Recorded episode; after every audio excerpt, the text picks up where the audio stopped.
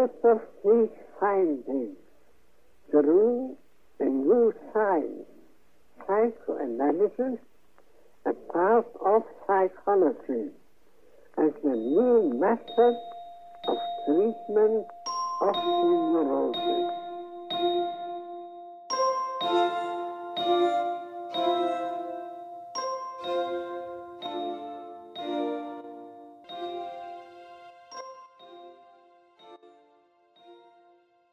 Herkese merhaba.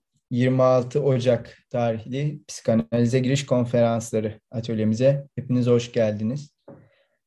Bildiğiniz üzere bu hafta, e, geçtiğimiz hafta çalışmaya başlamış olduğumuz 23. konferansın e, nispeten ikinci yarısı diyebiliriz herhalde. İkinci yarısından itibaren çalışmamıza devam edeceğiz. Takip ettiğimiz kitapta 434.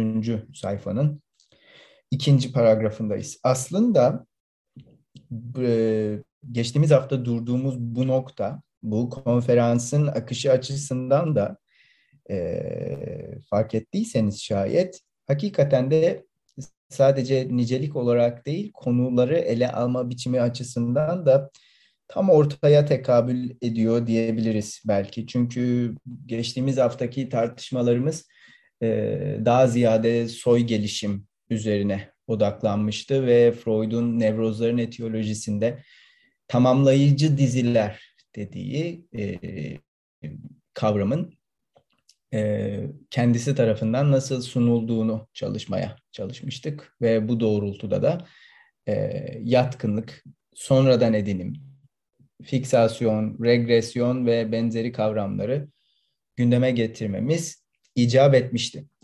Bu paragraftan itibaren yani bugün çalışacağımız ilk paragraftan itibaren Freud ruhsal gerçeklik denen şeyin e, yapısını tartışmaya açacak.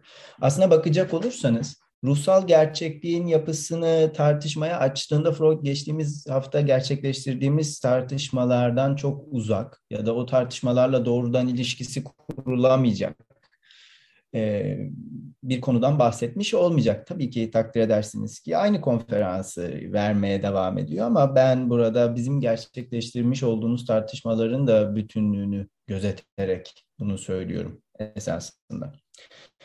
E, e, nitekim hafta içerisinde size bir e, fotoğraf gönder. Editörün düştüğü ilk dipnottan değil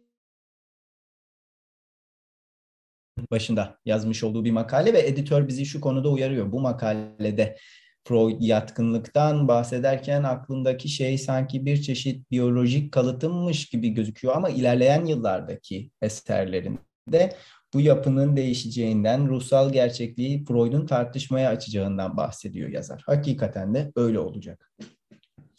Şimdi e, bu noktada tabii şunun e, belki e, hemen söylenmesi icap ediyor. Biyolojik yatkınlık ya da biyolojik e, eğilimler diyebilirsiniz, kalıtım diyebilirsiniz.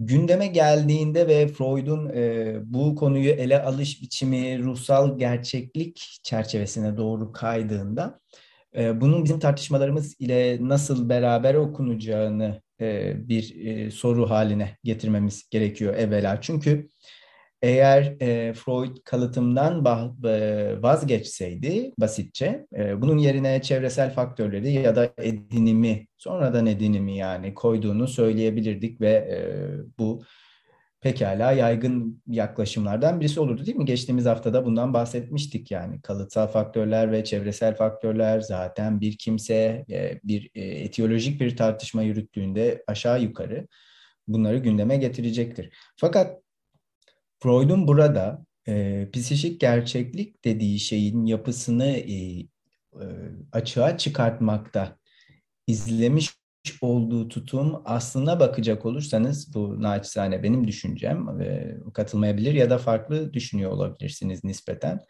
Bilhassa narsisizm üzerine de bize göstermiş olduğu yani bedenin nasıl erote, erotojen, erotojen hale geldiği konusunda göstermiş olduklarıyla beraberce düşünüldüğünde ya da belki daha eski eserlerine gidip organik ve histerik felçlere uzandığınızda e, Freud'un açısından meselenin gösterme işi ile nasıl ilişkili olduğunu e, gözünüze çarpıyor diyelim. E, çünkü e, Freud bu konferanstan yaklaşık herhalde bir 10 yıl sonra 1900'den evvel yazmış olduğu iki etiyoloji makalesine şu dipnotu düşer. Bu görüşlerim muhakkak ki doğrudur. Yani kalıtımın önemine ilişkin görüşlerim muhakkak ki doğrudur. Hani hala bunların tümden yanlış olduğunu ya da bir kenara bırakabileceğini düşünmekte değilim ama bir diğer bir yandan da bu eserleri kaleme aldığım yıllarda ruhsal gerçekliğin öneminden önemini hafife almıştım şeklinde bir itiraf sunuyor bize Freud. Yani hastanın beyanının tırnak içerisindeki gerçekliğini, tarihsel gerçekliğini e, ön plana çıkartıp buna fazlasıyla önem atfedip diğer yandan ruhsal gerçekliği hafife almıştım diyor Freud bize. Bu bence oldukça öğretici ya da belki kilit ifadelerinden bir tanesi olarak kabul edilebilir. Diğer bir yandan ise yani sadece bedensel olan ya da somatik olan ya da psikik olan arasındaki bir ayrım üzerinden bu konferansın iki yarısını bir araya getirmek değil de diğer bir yandan meseleye soy gelişim açısından bakacaksak şayet değil mi? Edinimi böyle açıklıyordu Freud. Şu anda gündeme getirdiğimiz, şu anda hakkında konuştuğumuz, tartıştığımız jenerasyon tarihsel kuşağın son jenerasyonu, tarihin sonu vesaire değil. Dolayısıyla bugün de edinim devam ediyor. E, dolayısıyla tarih yazılmaya devam ediyor. Dolayısıyla tarihin sonunda değiliz diyor Freud. Bu konferansa hazırlanırken iki makaleyi e, gözden geçirmem gerektiğini düşündüm. Bunlardan birisi e, aile destanları veya aile romansı başlıklı makalesiydi. Freud'un diğeri ise çocukların söylediği iki yalan başlıklı makalesiydi ve tabii kalabalık gruba attığım e, kimi eski dipnotlarını da gözden geçirmem gerekti Freud'un burada. E, bunların e, bu tartışma konusunda nasıl bir önem arz edebileceğini yeri geldiğinde en azından idrak edebildiğim kadarıyla aktarmaya gayret edeceğim. İlerlediğimizde aslında Freud'un pek çok kavram için yaptığı bir şeyi burada düşlemler için yaptığını görüyoruz değil mi? Asal düşlemlerden bahsediyor Freud bize burada. Tam da tarihsel gerçekliği tartıştığı bir noktada. Bu önemli çünkü asal düşlemler yani ur fantaziyin e, Freud'un başına ur getirerek kullandığı kelimelerden birisi. Bilhassa bu çalışmanın ilk iki bölümünde yani nevrozların etiyolojisine, nevrozların genel kuramına geçmeden önceki bölümlerinde bu e, urlu diyelim ifadeleri gündeme getirmemiz gerekmişti değil mi? İşte asal bastırma, e, ilk sözcük, e, ilk baba, kökensel baba. Bu ilk kökensel asal asıl bunları hani birbirinin yerine değişerek kullanıyorum. Farklı çevirileriyle karşılaşabilmeniz mümkün çünkü. Değil mi? Freud'un bu kavramları nasıl döndürdüğünden ya da tam da bu ur ifadesinin geldiği yerde nasıl çatalanmanın olduğuna bahsetmiştik değil mi? İşte örneğin bastırma ası, bastırmadan bahsettiğinizde asal ve asıl bastırma ya da bir kökensel babadan bahsettiğinizde işte sembolik baba ve ölü baba e, ya da bir e, sözcükten bahsettiğinizde onun e, temsil edilebilmesini mümkün kılan farklı koşullar, e, örneğin e, sözcük temsili ve şey temsili gibi e, vesaire diyeyim. Şimdi burada da dikkatinizi çekmiştir muhakkak. Freud bize asal düşlemler dediği an yine bir şey ikiye bölünmüş oluyor aslında değil mi? Nihayetinde psikik gerçeklik denen şey ikiye bölünmüş oluyor ve Freud düşlemler ile gerçeklik arasında bir ayrıma gitmiş oluyor. Yani bir şeyin esaslığını, asallığını ya da asıllığını diyelim daha doğru olacak sanırım bir şeyin asıllığını, kökenselliğini tartışmaya açtığında onu takip eden bir çatalama yine geliyor. Burada da gelmiş ve burada da ilgimizi çekecek. Nitekim burada belki doğrudan anmıyor ama e, hakikaten de aile destanlarının önemli olabileceğini göreceğiz. Diğer bir yandan diğer bir önemi tabii ki e, tarihsel gerçeklik denen şeyi tartışmaya açtığında Freud'un e, gerçeklik sınaması ve keyif prensibi arasındaki ilişki ister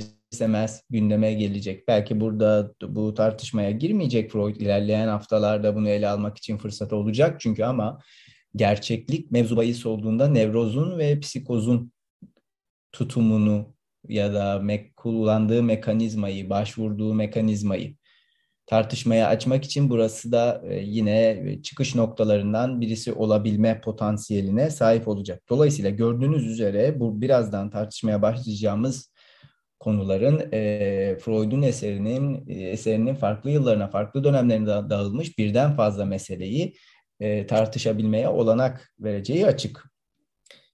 Eğer ee, geçtiğimiz hafta hakkında söylemek istedikleriniz ya da bu hafta hazırlığınız esnasında gözünüze çarpan şeyler varsa bunları duymaktan mutluluk duyarız. Yoksa müsaadenizle bu hafta için ilk paragrafımızı okuyarak oturumu resmen başlatabilirim.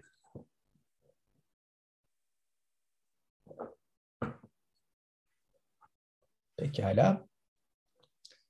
434. sayfanın ikinci paragrafında şöyle yazarak başlıyor Freud.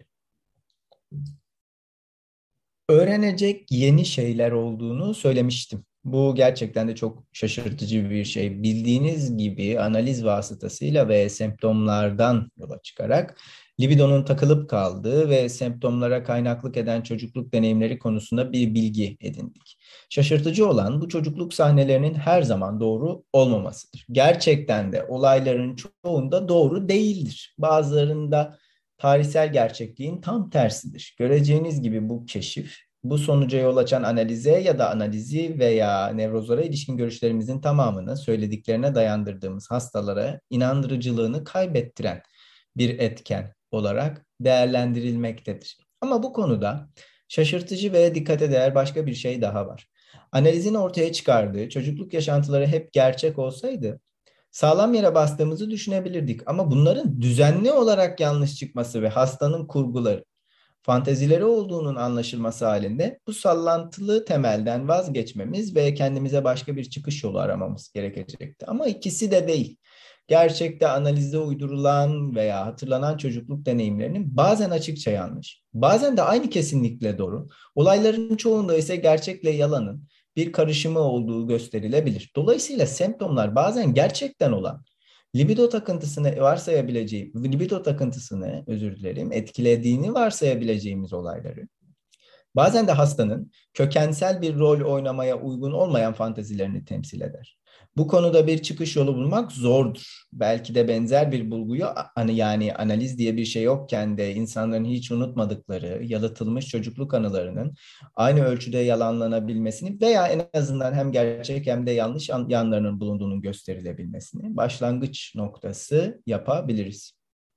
Bu durumda bu anıların yanlışlığını göstermek zor değildir. Dolayısıyla en azından bu beklenmedik hayal kırıklığından analizin değil, bir şekilde hastaların sorumlu olduğunu bilmenin rahatlığına kavuşuruz diyor Freud.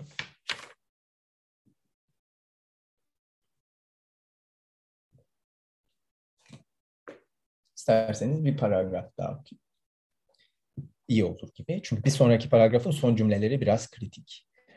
Biraz düşününce bizi bu kadar şaşırtan bu ilişkiler durumunun ne anlama geldiğini kolayca anlayacağız. Bu gerçekliğin değerden düşmesi, gerçekle fantezi arasındaki ayrımın göz ardı edilmesidir. Hastanın uydurma hikayelerle zamanımızı almasını bir hakaret e gibi alma eğilimi duyarız. Biz gerçekliğe kurgudan çok farklı bir şey olarak bakar ve farklı bir değer biçeriz. Hasta da normal düşüncelerinde şeylere bu ışıkta bakar. Semptomlarının arkasından çocukluk deneyimleriyle şekillenen arzu giderici durumlara giden malzemeyi verdiği zaman başlangıçta gerçeklikle mi yoksa fantazilerle mi karşı karşıya olduğumuz konusunda kuşku duyarız. Daha sonra bir karara varacak belli göstergeler bulur ve bunları hastaya aktarma göreviyle karşı karşıya geliriz. Ama bu her zaman güçlük yaratır ona. Tıpkı her ulusun kendi unutulan tarih öncesini mitlerle gizlemesi gibi çocukluk tarihini gizlediği fantezilerini açığa çıkarmakla meşgul olduğunu doğrudan doğruya söyleyecek olursak konuyu izleme ilgisinin ansızın ve istenmedik bir biçimde azaldığını görürüz. O da gerçekliği yaşamak ister ve sadece hayali olan her şeyi küçümser. Öte yandan bu çalışma bitene kadar çocukluğunun gerçek olaylarını incelemekle meşgul olduğumuz inancına ilişmez, ilişmezsek bizi yanılmakla suçlaması ve saflığımızdan ötürü bize gülmesi gibi bir riske gireriz. Fanteziyle gerçekliği eşitlememiz ve incelenen çocukluk yaşantılarının gerçek mi yoksa hayali mi olduğuna aldırış etmememiz gerektiği yönündeki önermemizi ciddiye alması için uzunca bir zaman gerekecektir. Yine de bunun bu ruhsal üretimlere karşı benimsenecek tek doğru tavır olduğu açıktır. Bunlar da bir tür gerçeklik içerir. Hastanın bu fantezileri kendisi için ürettiği bir gerçekliktir ve nevrozu açısından bu gerçek, fantezinin içerdiği şeyi gerçekten yaşaması kadar önemlidir. Fanteziler, nesnel gerçeklikten farklı olarak ruhsal bir gerçeklik içerir ve biz nevrozlar dünyasında belirleyici olanın ruhsal gerçeklik olduğunu yavaş yavaş öğreniriz diyor Freud. Neler söylemek istersiniz bu paragraflar hakkında?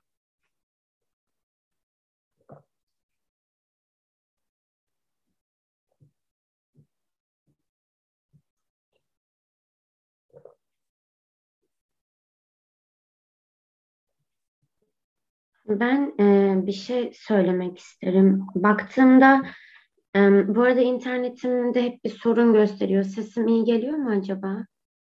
Tamam. E, şey dikkatimi çekti. Nesnel gerçeklik ve ruhsal gerçeklik. Hani burada şey gibi e, ve hep çocuk kelimesi de geçtiğinde bir çocuğun annesinin ya da babasının ya da bakım vereninin ona verdiği tavrı, davranışı, onun aslında nasıl algıladığı, onun ruhsal gerçekliğindeki yeri. Hani e, annenin o kadar anne olması, bu kadar hani eksikli olması, çocuğun zaten oradaki onun eksikliğiyle karşılaşma halinden ziyade hani annenin o kadar yapabilmesi, iyi niyet kisvesi altında, çocuğunun düşüncesi anlamıyla ve bir nesnel annelik gerçekliğiyle ama çocuğun bunu aslında beni bunun için yapmıyor, bana bunun için böyle davranmıyor diye kendi ruhsal gerçekliğinde nasıl anlaması? Hani buradaki çocuğun ruhsal gerçekliği ve bakım verenin nesnel gerçekliği gibi duydum ben. Ee, yani böyle düşünebilir miyiz bunu?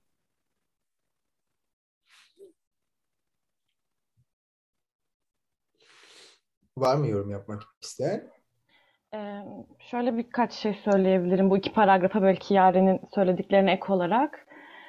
Ee, burada Freud sanki şeyi açıklamaya çalışıyor. Aslında iki paragraftır anlatmak istediği şey sanki son 5-6 cümlede zaten söylüyor ama onun o kadar uzun yolunu yapıyor olması işte bu gerçeklik, fantazi ikisinin de eşit derecede önemli olduğunu direkt söyleyemiyor olması sanki şeyden geliyor bu dürtü kuram ile birlikte çocukların cinselliğine ilişkin yaptığı evet ger- gerçekten çocuklukta bir travma vardır ve ailesiyle ilgili bir şey yaşamıştır dediği noktadan sanki diğerine hayır çocuk fantezi kuruyordura geçiş yapıyor gibi duyuyorum. O yüzden onu eşitlemek önemli. Nesnel gerçeklik kadar çocuğun onu fantezisini kuruyor olması da önemli ve zaten onu da çalışıyoruz demeye getiriyor gibi bu ikisinde. Çünkü hani gerçekten orada travmatik bir şey olmasına veya işte annesiyle gerçekten hani cinsel birliktelik yaşamak istemesi gibi değil ama o fantezideki şeyi çalışmaya yönelik. Çünkü ilk kuramının ilk kısmında gerçekten böyle bir şey vardır deme de şeyinde bulunuyor Freud ama daha sonrasında ya bu fantezide olabilir dediği kısmı sanki üzerinde tekrar vurgu yapıyormuş gibi anlıyorum. Çünkü zaten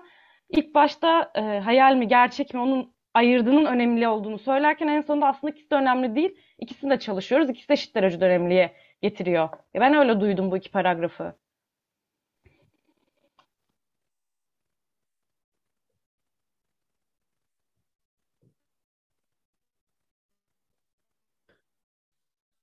Yorum yapmak isteyen var mı?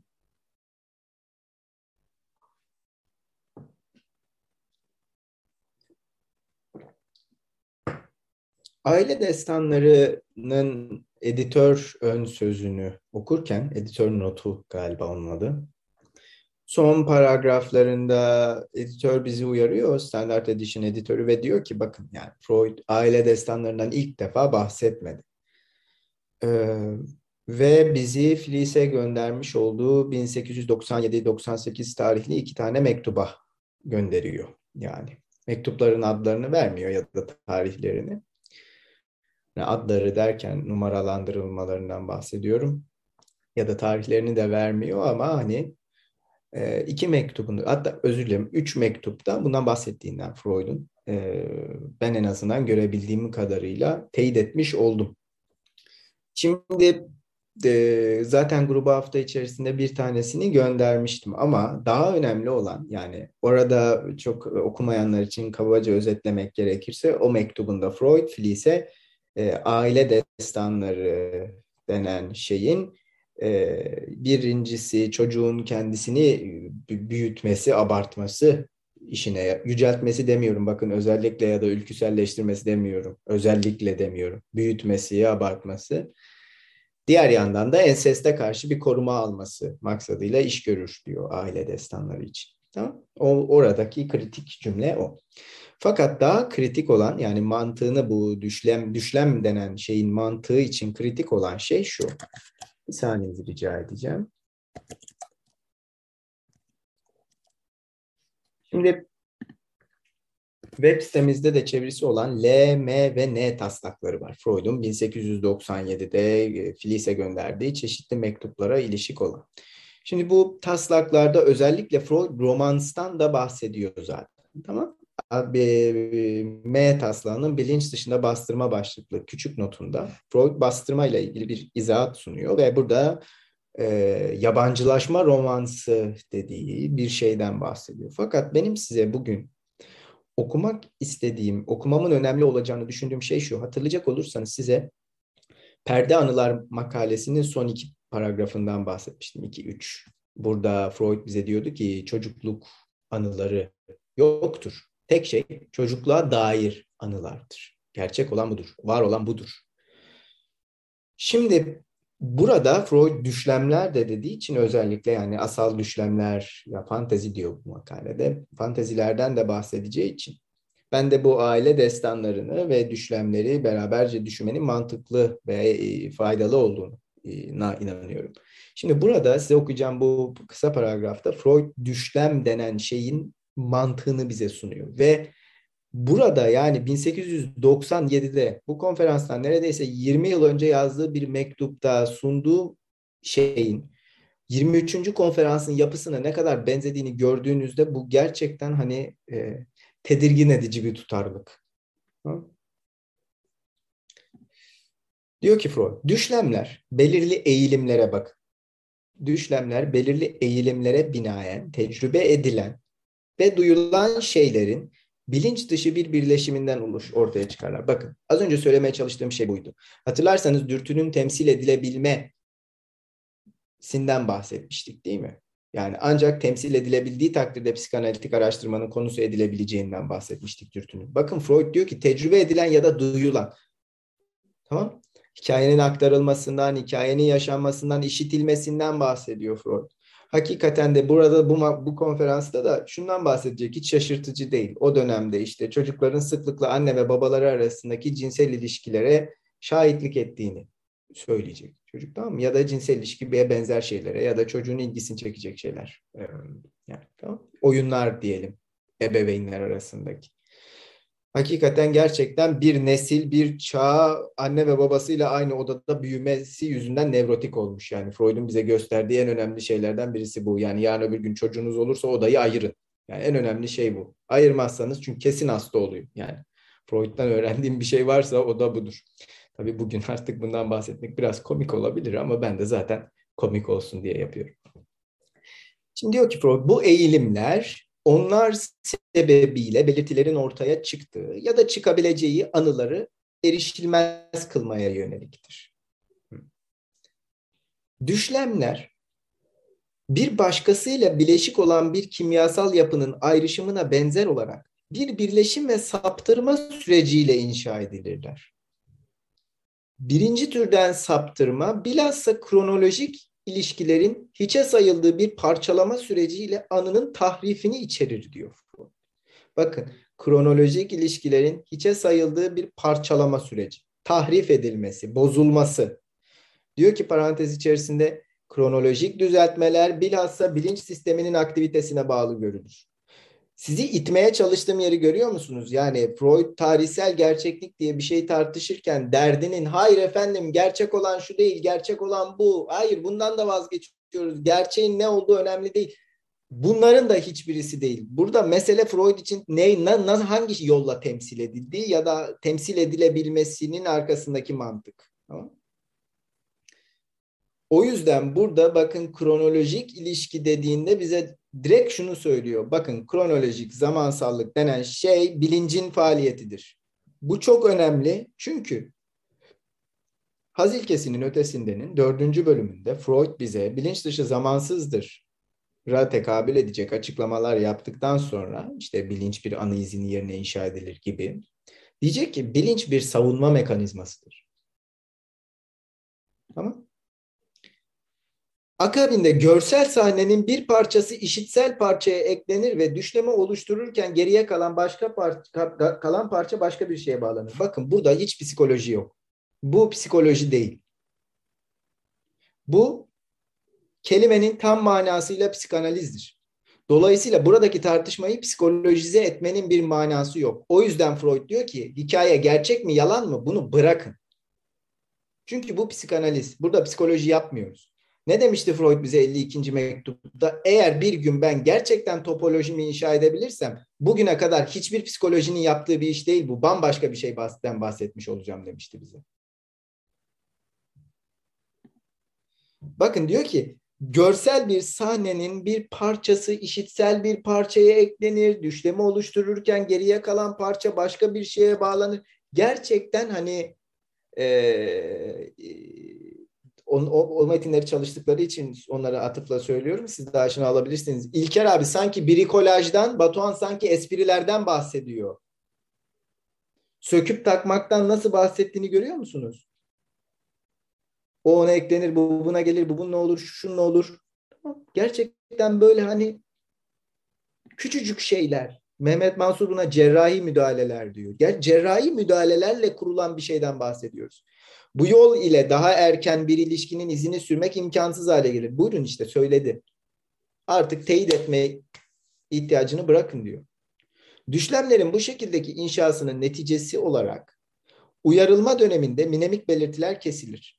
Bunların yerine savunmaya tabi olmayan bilinç dışı kurgular mevcuttur. Şimdi şayet böylesi bir düşlemin yoğunluğu onu bilinçli hale gelme yoluna sokacak olursa bu düşlem bastırılır ve bir belirti düşlemden onun kurucu anılarına geriye doğru bir güç ile üretilir. Yani eğer düşlemin kendisi de bilinçli olacak kadar güçlenirse yine enerji çekilir ve nihayetinde semptom ortaya çıkar diyor. Ve diyor ki tüm kaygı belirtileri parantez içinde fobiler bu yolla üretilir.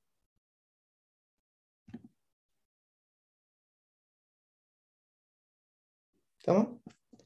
Şimdi burada dolayısıyla bu uyarıyı yapmanın gerekli olduğunu düşünüyorum. Bu psikoloji değil artık. O bilimin alanında hiç değiliz.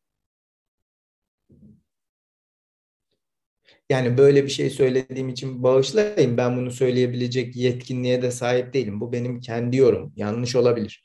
Ama Lacan ilk yıllarında Freud'a dönerken Freud'u dil bilimiyle okuduysa bunun yegane sebebi Freud Lacan'ı Freud'u dil bilimiyle okumak zorunda bıraktığı içindir. Bunu Lacan'a bir görev koşan Freud'dur.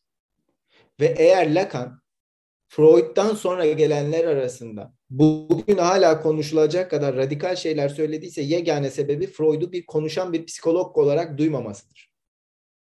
Eğer Freud'u bir psikolog olarak duymak istiyorsanız örneğin ego psikolojisinden bahsedebilirsiniz. Ama eğer Freud'u düşlerin yorumunda, düşlerin psikolojisi bölümünde arzuyu tartışan Freud olarak duyacaksanız o zaman Freud sizi kendisinin dil bilimiyle okumak zorunda bırakıyor. Çok acayip bir şekilde gerçekten Freud'un eserinde arzu denen şeyin berrak bir şekilde görüldüğü tek yer belki düşlerin yorumu yani. Tabii ki Arzu'nun bütün metinlerine var ama Arzu'nun böyle sökülüp takıldığı, ifşa edildiği, konuşulduğu, bu kadar çok dillendirildiği başka bir yer yok neredeyse. Tabii düşlerin yorumuyla beraber günlük yaşam psikopatolojisi ve esprilerden de bahsediyorum. Bu üç metin bu üç metinde diğer metinlere benzemeyen demesek de diğer metinlerde bu kadar açık olmayan bir şey var. O yüzden burada da Freud fantezilerden ya da düşlem adını hangisi sizin için daha makulse ben düşleme alışığım. Freud düşlemden bahsediyorsa bize burada ve bunun gerçekliği, tarihsel gerçekliği meselesini gündeme getiriyorsa onu buralarda aramamız şaşırtıcı değil. Zaten nitekim örneğin bunun çok iyi bir örneği analizde inşalar makalesidir değil mi? İnşa diyecek yani. Gerçeklik denen şeyi inşa olarak okuyacak Freud. Ve o inşa gerçekten işte az önce aktarmaya çalıştığım inşaya çok benziyor. E, ve tabii ki takdir edersiniz ki gerçeklik prensibini ve keyif prensibini tartışmanız gerekiyor burada. Çünkü yargı denen şeyin mekanizması gündeme gelecek biraz. Yani gerçeklik testi, gerçeklik sınaması nasıl yapılır? Gerçeklik hükmünü nasıl vurabilirsiniz bir şeye? Ben e, böyle okudum bu bölümü. Okumuştum, çalıştım, böyle hazırlandım. Bilemiyorum siz neler düşünürsünüz. Ee, benim aklıma şöyle bir şey geldi söylediklerinin üzerine. Dedim yani gerçekmiş değilmişten çok hangi yola temsil edildiğini söylemeye çalışıyor Freud burada diye ama son cümlede öyle bir şey söylemiyor. Aksine e, analizin belki e, ilerlemesini kurtarmak için hatta hastalar sorumludur bunun gerçekliğinden veya işte fanteziliğinden hani gibi bir şey söylüyor kendini kurtarmak için, analizi kurtarmak için bence. O yüzden aslında tam da onunla ilgileniyor. Çünkü semptomların oluşumundaki gerçeklik şeyi yani söylediği şeyin gerçek olup olmadığıyla aslında biraz ilgileniyor gibi. Çünkü daha önceki konferanslarda da bir şey mesela bir OKB'li bir hastanın işte gelip de o aslında o kadar da işte daha iyileştim dediğine de inanmıyor. Yani onun gerçek olup olmadığıyla bayağı ilgileniyor aslında analiz. Zaten o yüzden gerçek olup olmadığının daha sonrasında nasıl eşitleneceğini söylemeye çalışıyor gibi duruyor. İlk başta belki e, gelen hasta da o gerçeklikle çalışmak isteyecek. Belki fantezi ona çok korkutucu gelecek. Ama daha sonrasında belki o kadar da birbirinden farklı değildir ve bu aslında analizin de problemi değildir'e getirmeye çalışıyor gibi duyuyorum. Çünkü evet e, geçmişte o olan şey işte e, çocuğun oluşturduğu anılar sanki biz burada tek bir anı varmış ve o anının üzerine konuşuyormuşuz gibi. Evet hasta geldiğinde de ilk ondan bahsetmek istiyor ama o anı sürekli şekilleniyor zaten konuştukça ve sabit bir şey değil. O yüzden aslında Freud en sonunda gelmeye çalıştığı yer bana öyle bir şey gibi geliyor. Gerçek olanla fantezi olan arasında ayrımın ortadan kalktı ve tamamıyla analizin serbestçe orada çağrışımlarla o aktarımların yapılabildiği bir alan gibi. Ama ilk başta tartışması gereken şey neyin gerçek olup olmadığı gerçekten. Gerçekten böyle bir şey var mı yok mu? Çünkü ona göre bir semptomatik bir tedavi yani ortaya çıkan şeyin de ım, ne kadar fantazi, ne kadar gerçek olup olmadığını tartışacak belki hastayla. Ve ona göre belki bir ım, aktarım yorum yapıyor olacak. Bilmiyorum o kısmını şu an için. Ama ben öyle duydum yani. O nasıl temsil edildiğinin gerçekliğini de sorguluyor bence Freud. Yani sadece evet bir temsildir, bir dilsel bir şeydir gibi değil. Bayağı patolojik olarak da bu gerçekten var mı? Yoksa bu düşlem mi? için bence katman katman açtığı şey de o. Ulaşmaya çalıştığı. Yoksa direkt söylediği şeyin doğru olduğunu veya yanlış olduğundan bağımsız olarak onun üzerine çalışır ve geçermiş gibi duruyor ama bayağı mesele dinliyor burada kendisine gibi okudum ben. Ben de bir şey söyleyebilir miyim? Burada söylediğin şeyler gerçekten dikkat çekici ama ben de şöyle bir düşünceye doğru ilerledim. E, metni okudukça. Yaşanan şeyin gerçek olması veya gerçek olmamasından öte bu gerçeklik içinde kurulduğunda eğer böyle bir olay yaşanmışsa gerçek bir hayatta onu yaşandığı şekliyle zaten ruhsal mekanizmada ifade etmeyecek psikanalize giren kişi. Muhtemelen onu kendi fantazmıyla yoğuracak gibi. Ruhsal gerçek, şey pardon, dış gerçekliğin kendisinin yaşanma şeklinin aynısını ruhsal mekanizmanın içinde bulamayacağız gibi düşünüyorum. O yüzden sanki dış gerçekliğin daha sonra dış gerçeklikte yaşananın doğru olup olmaması meselesinden öte bir şeymiş gibi sanki bu. Zaten ruhsal mekanizmada bulacağımız şey dış gerçekliği tam anlamıyla ifade etmeyecek. Kişinin kendi fantazmıyla ifade bulacak. Benim anladığım bu buradan. Burada ince bir ayrım var gibi. Sanki şunun peşinde değil gibi Freud. Yaşandı, yaşanmadı değil. Yani o ruhsal gerçekliğini nasıl kurdu? Ha, gerçekliğe dönersin. Böyle bir olay vardır, yoktur. Onun ayrıntına varırsın. O ayrı bir konu gibi. Bilmiyorum. Böyle anladım ben de. Ne kadar farklı anlattım onu da bilmiyorum. Çok bir... Tamam. Ee, şeyi duydum aslında çok güzel geldi. Ee, kendi ruhsal gerçekliğiyle yoğuruyor olması hali. Tam da gerçeklik o yüzden önemli. Kişinin, gelen kişinin fantazisinin ne olduğunu bulabilmek için gerçeklikten ayırması lazım. Benden çok daha güzel özetledim bence. O yüzden o aradığı gerçeklik evet nesnel bir gerçeklik değil. Kişinin fantazisi noktada devreye giriyor ve şey yapıyor. Onu yorumlayabilmek için zaten o eşitleme sanki o noktada önemli gibi.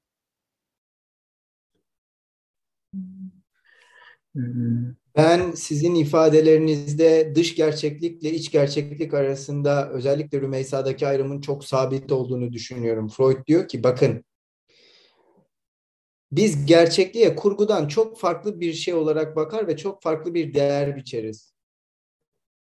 Gerçeklik kurgudur diyor zaten. Tamam. Yani o yüzden objektif bir dış gerçeklik diye bir şey yok diyor.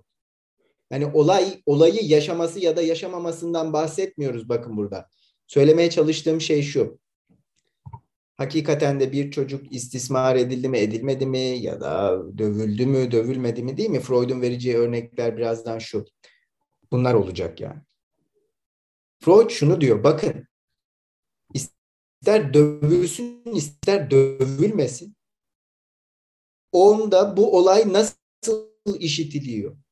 Dolayısıyla çocukların dövülmesinin evrensel bir anlamı yok. Ve bunun bir sebebi olmalı. Dolayısıyla biz burada et, bir nevrozun etiyolojisini tartışırken yani şunu yapabilmemiz mümkün olmuyor Freud'un görüşüne göre. Şimdi öyle bir etiyoloji tartışması gündeme getireceğim, öyle bir şekilde kuracağım ki artık bu kurduğum şeyde belirli olayların hangi sonuçlara tekabül edebileceğini bileceğim ve bu benim klinikteki düsturum olacak. Bu şekilde ilerleyeceğim. Bu, bu pozisyonu benimseyeceğim. Ama Freud diyor ki hayır bakın düsturu belirleyecek olan yegane şey bunun oluşma biçimi. Çünkü biçimin kendisi üzerinde çalışırsanız çünkü bize rüyalar konusunda ne öğretti Freud? İçerik hayır, içeriği duyuyorsunuz sürekli. Hikayeyi kuruyorsunuz. Tamamlamaya çalışıyorsunuz. Boşlukları doldurmaya çalışıyorsunuz. Tamam ama bu işin başıdır sadece en fazla. Kaldı ki bu noktada bile eğer hikaye duymaya çalışıyorsanız bu sizin bir şeyi duymaya çalıştığınız anlamına dolayısıyla bir beklenti taşıdığınız anlamına gider. Dolayısıyla bu sizin fantezinizdir zaten nihayet.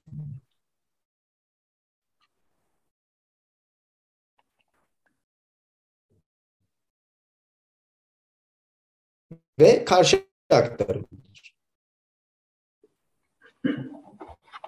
Çünkü kendi fanteziniz ki benim sesim net geliyor mu? Okey ben bazen sizleri net göremiyorum. Kesintiye uğrarsa kameramı kapatacağım beni uyarın lütfen. Yani örnek vermek gerekirse daha evvel de bahsetmiştim. Histerinin etiyolojisi makalesinin başlangıcında Freud'un bir e, arkeoloji tartışması var. Anamnez almakla arkeoloji arasındaki benzerliği tartışıyor Freud. Ve diyor ki mesele arkeolojik keşif değildir. Mesele bu keşfin gerçekleştirebilmesi için takım taklavatı hastanın eline verip onun kazmayı gerçekleştirmesini sağlamaktır. Vereceksin eline kazacak. Ancak o kazdığı sürece gerçek ortaya çıkar. Ve analist ancak takım taklavatı verebilir diyor. Yoksa gidip konuşturmak, tarihsel gerçekliği duymak, hani hikayeyi duyarsınız tamam ama diyor bir kazsın bakalım ne çıkacak. O yapması lazım. Sen değil. Evet. Bilemiyorum. Ama bakalım. Biraz zaman tanıyalım etmedi. Bir yandan da o var tabii ki yani. Kendisi herhalde birazdan tartışacaktır gibi geliyor bana. Ekleyeyim bir kere. Ee, ben bu nesnel gerçeklikten farklı olarak ruhsal bir gerçeklik meselesine dair şunları e, duyuyorum. Aslında ilk derslerdeki bu bilinci merkezden etmek e, bence hani tekrardan ilk dersteki önemli tezi üzerinde de yükseliyor burası. Yani hatta gündüz bile sadece gece uyurken değil e, diyoruz ki hani şunu yapıyorsun şu an konuşuyorsun ama aslında sen bilmiyorsun da sen şunu yapıyorsun. Yani bu çok komik geliyor. Bu iki farklı gerçek, iki farklı denklem kuruyor. Hani matematik anlamında düşünürsek. Mesela bir örnek vereyim. Okulda payda işleyemeyen çocuklar kesirlere geçti. Bir ay önce filan payda işleyemeyen çocuklar var. Uyduruyorum yani. iki kişi arasındaki o pay iki kişi arasında kalan bir çocuk payda işleyemiyor mesela. Hani bir gerçeklik var matematik ama bir ruhsal gerçeklik var. Oradaki başka hikayeyi olduramıyor. Matematik hocası görüyor, seziyor ama sözü yok. Ya da öğrenciler geliyor 5. sınıfta okula, yatılı okula alışamıyor bazıları. Ama bazıları da beni Darüşşafaka bile ayıramadı senden ana demek için oraya geliyor. Yani bambaşka ruhsal gerçeklik var e, yaptıklarının altında tırnak içerisinde. E, ama bu sözü şöyle de duyuyorum. Bu Levinas'ın dünyada olmak dediği şey biraz. E, dünyada olmak Levinas dünyada insanların birbirini görmediğini söyler. Yani dünyada olmak ötekinin yüzünü görememek, muammanın olmadığı, aynılığın olduğu. E, ya da şöyle söyleyeyim, nesnel gerçekliklerin görüldüğü sadece bir dünya. Eğer aynalık üzerinden okunursa mesela sorun tedavinin sorumluluğu alınamaz. Çünkü hastanın gerçekliği burada onun ruhsal gerçekliği. Umarım anlatabilmişimdir. Dünya dediğimiz Levinas'ta aynılıkların dünyası insanlar birbirinin yüzünü göremiyor. Gerçek, nesnel, nesnel gerçekliği görmekten. Ama dünyaya girmemek demek asıl sorumluluk orada. Yani çok şiirsel bir anlatımı var tabii ama dünyaya girmemek sınırların ve muammanın olduğu, öznelerin birbirine çarpıştığı bir düzlem yaratıyor. Ee, bunları söyleyebilirim. Yani ruhsal gerçeklik aslında bir muammayı da içeriyor. Bence bu önemli bir şey. E, çünkü asıl iletişim kurduğumuz ve konuştuğumuz yer orası. Hastayla da hastanın da konuştuğu yer orası. Ee, ben öyle okunması gerektiğini düşünüyorum. Hastanın konuştuğu yer orası. Bizim de oraya konuş, bizim de tedavi esnasında konuştuğumuz yer orası.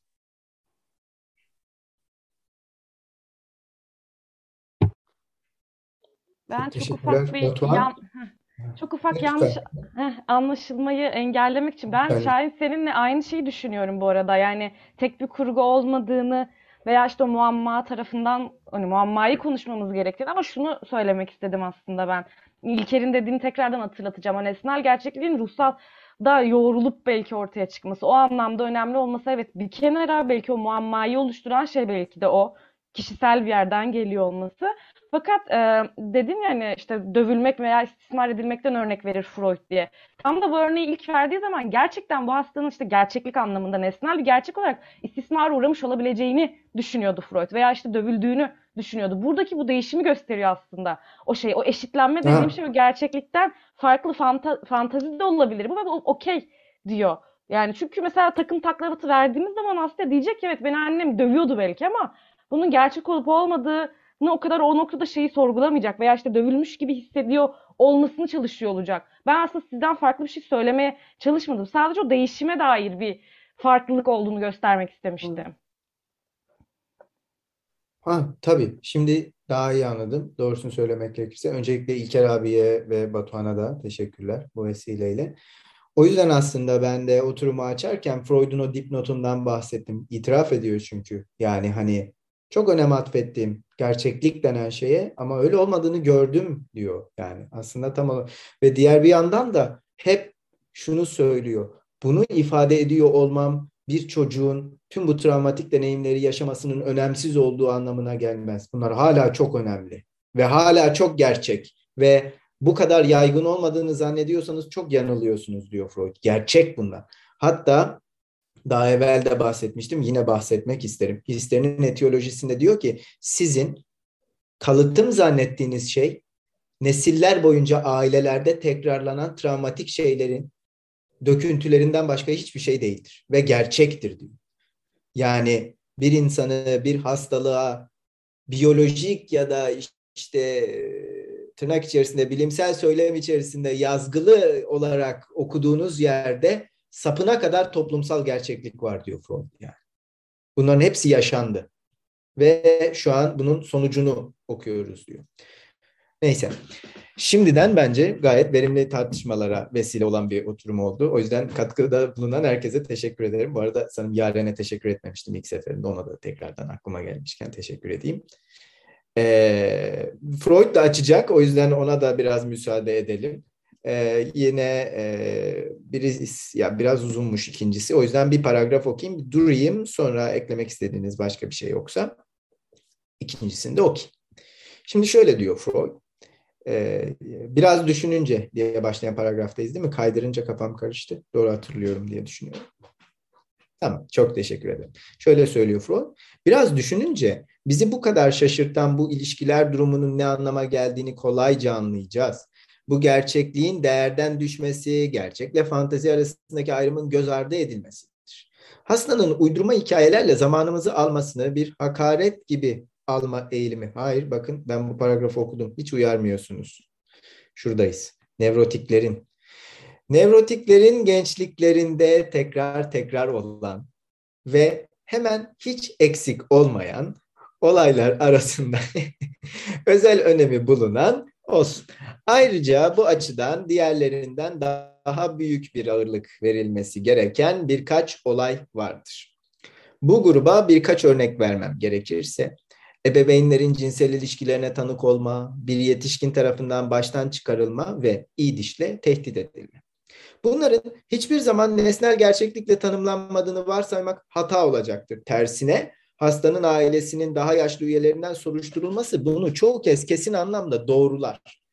Örneğin penisiyle muzır bir tarzda oynamaya başlayan ve bu tür etkinliklerini gizlemesi gerektiğini bilmeyen küçük bir oğlan çocuğunun ebeveynleri veya bakıcısı tarafından penisini veya günahı işleyen elini kesilmekle tehdit edilmesi ender bir olay değildir. Ebeveynler sorulduğu zaman çoğu kez bunu kabul ederler. Çünkü bu tehditle yararlı bir şey yaptıklarını düşünürler. Bazı insanlar özellikle biraz daha geç bir dönemde olması halinde bu tehdide ilişkin hatasız ve bilinçsiz, bilinçli bir anıya sahiptir. Tehdidi yapan anne veya başka bir kadınsa ceza uygulamasını genellikle babaya veya doktora aktarır. Frankfurtlu pediatrist Hoffman'ın ünlü çalışması Strüfpeter'de ki popülaritesini çocukluğun cinsel ve diğer komplekslerini anlamasına borçludur. İnatçı emmeye ceza olarak baş parmağı kesme şeklindeki yumuşatılan iddiş edilme tehdidini bulursunuz. Ama çocuklar nevrotiklerin analizinde görüldüğü kadar sık idişle tehdit ediliyor olamaz. Çocuğun bazı ipuçları temelinde otoerotik doyumun yasak olduğu bilgisinin de yardımıyla hayal dünyasında bu etkinlikle kadının cinsel organını keşfetmesiyle edindiği izlenimi birleştirerek kafasında bu tür bir tehdit canlandırdığını kavramak bizim için yeterli olacaktır.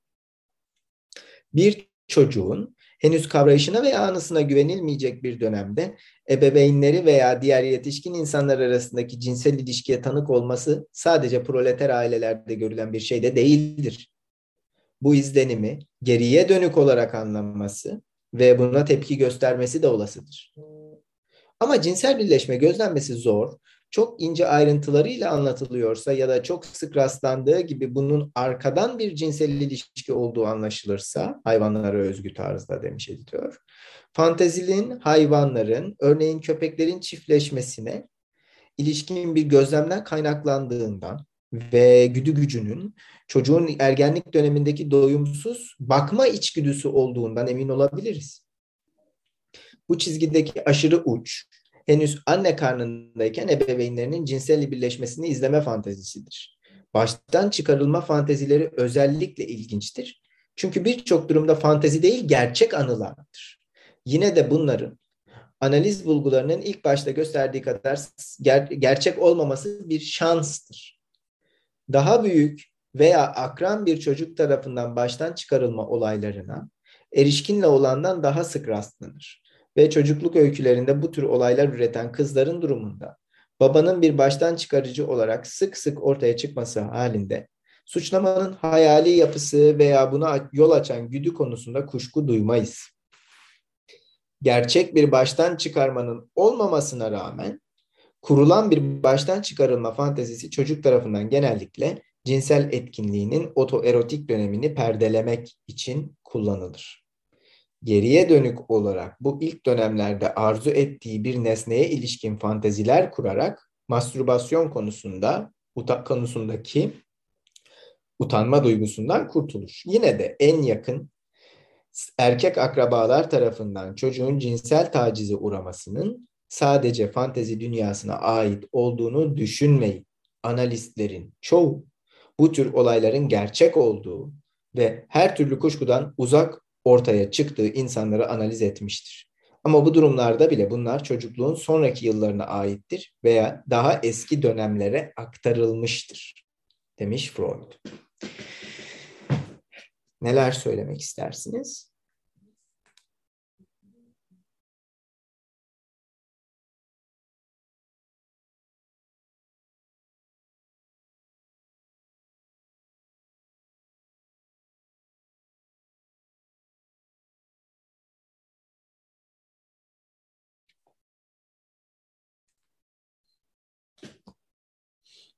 Aslında az önce de konuştuğumuz kimi konuları Freud tarafından aslında bir, bir noktada özetlendiğini e, görmüş olduk değil mi burada? Biraz daha sanki altını çizmeye gayret ediyor. Takdir edersiniz ki biraz şöyle sanırım speküle etmek de mümkün.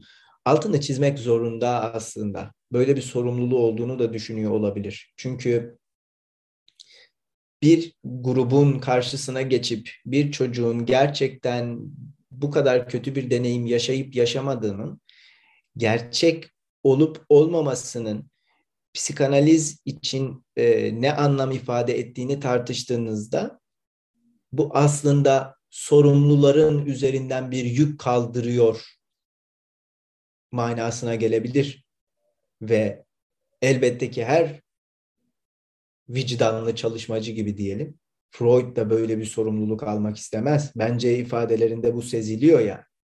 Ben size ne söylersem söyleyeyim bunlar gerçek ve yaşandılar ve sadece proleter ailelerde yaşandığını düşünüyorsanız yanılıyorsunuz diyor. Bakın bu önemli bir vurgu. Değil mi? Böyle yüz kızartıcı suçların belirli bir sosyoekonomik sınıfa has olduğunu, belirli patolojilerden mustarip insanlara has olduğunu, işte kimi şekillerde damgalanarak cezai ehliyetleri elinden alınabilecek insanlara has olduğunu söylemek toplumsal bir problemi ortadan kaldırmanın en kısa yollarından birisi. Ama Freud ne diyor? Burada çok açık. Bu hepimizin sorumluluğu ve gerçek. Ve bu gerçek olan şeyin bir insanın hayatını hangi yollarla etkileyebilme becerisine sahip olduğu psikanalizin araştırma konusu.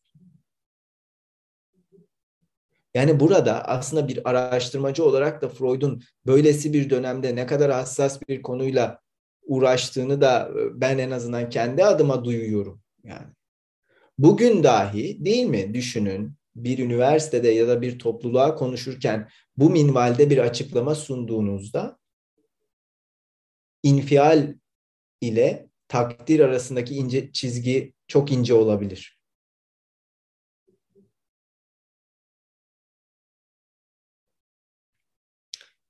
Ama diğer bir yandan Freud'un kimi tartışmalarının temellerini hazırladığı da burada yine bir gerçek. Bir tecrübe vuku bulduysa bu tecrübenin psişik yaşantı içerisindeki niceliksel kuvveti, bu tecrübenin anı izinin yaşamın ilerleyen yıllarında kazanabileceği kuvvet nasıl büyüdüğü ya da psikanalizde sonradanlık ya da apreku ya da Nachtraglichkeit denen şeyin mantığı e, arzu denen şey bir çocuğun e, ebeveynleriyle olan ilişkisinin onu nasıl etkileyebileceği gibi gibi gibi.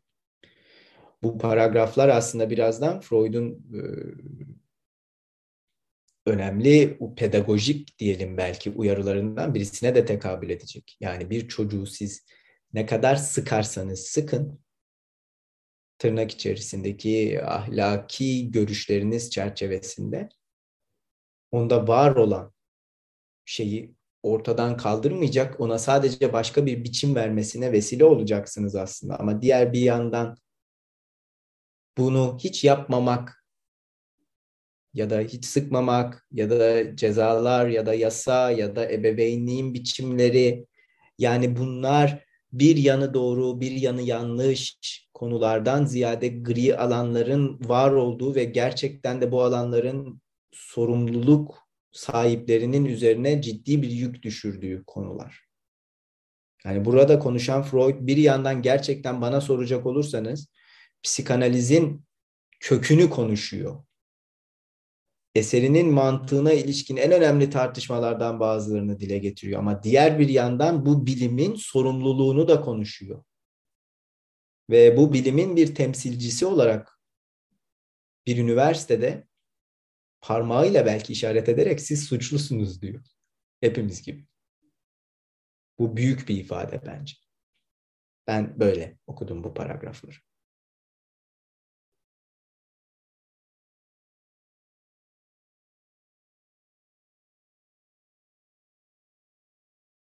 Elimden geldiğince hassas olmaya çalışıyorum. Çünkü bu bu kayıtları dinleyenler olacaktır. Burada herhangi bir tecrübenin kişi üzerindeki etkisini hafife almak ya da abartmak ya da o tecrübe üzerinde hüküm verebilmek yetkisine sahip kimseler olarak konuşmuyoruz. Burada geçen hafta da söylediğim gibi biraz neşeli bir ifadeyle amatör psikanalizi yapıyoruz. Ama diğer bir yandan Freud'un eserinin teorik içerimlerini anlamaya çalışıyoruz. Ama bu bizi hiçbir insan ya da hiçbir tecrübe hakkında konuşmaya muktedir de kılmaz. Hakkımız yok. Ama önemli.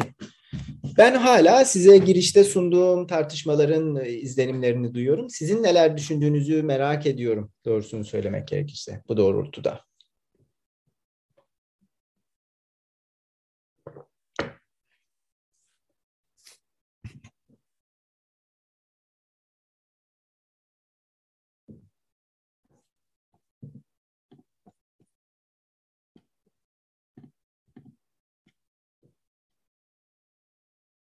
Şöyle devam edeyim. Bakın hemen çünkü bir sonraki paragrafta asal düşlemler denen şey gündeme gelecek ya. Bu da önemli. Ee, edindiğimiz tek izlenim bu çocukluk olaylarının her nasılsa gerekli olduğu nevrozun temel öğeleri arasında bulunduğudur. Gerçekten olmuşsa mesele yok. Ama gerçeklik tarafından alıkonmuşsa ipuçlarına dayanılarak birleştirilir ve fanteziyle tamamlanır. Ama sonuç aynıdır. Ve şu ana kadar biz bu çocukluk olaylarında ister gerçeklik ister fantezi daha büyük bir rol oynamış olsun. Sonuçta bir fark göremedik. Burada da söz konusu olan şey sık sık değindiğim tümleyen ilişkilerden birisidir. Dahası karşılaştıklarımızın en tuhafıdır. Bu fantezilere duyulan ihtiyaç ve gerekli malzeme nereden geliyor?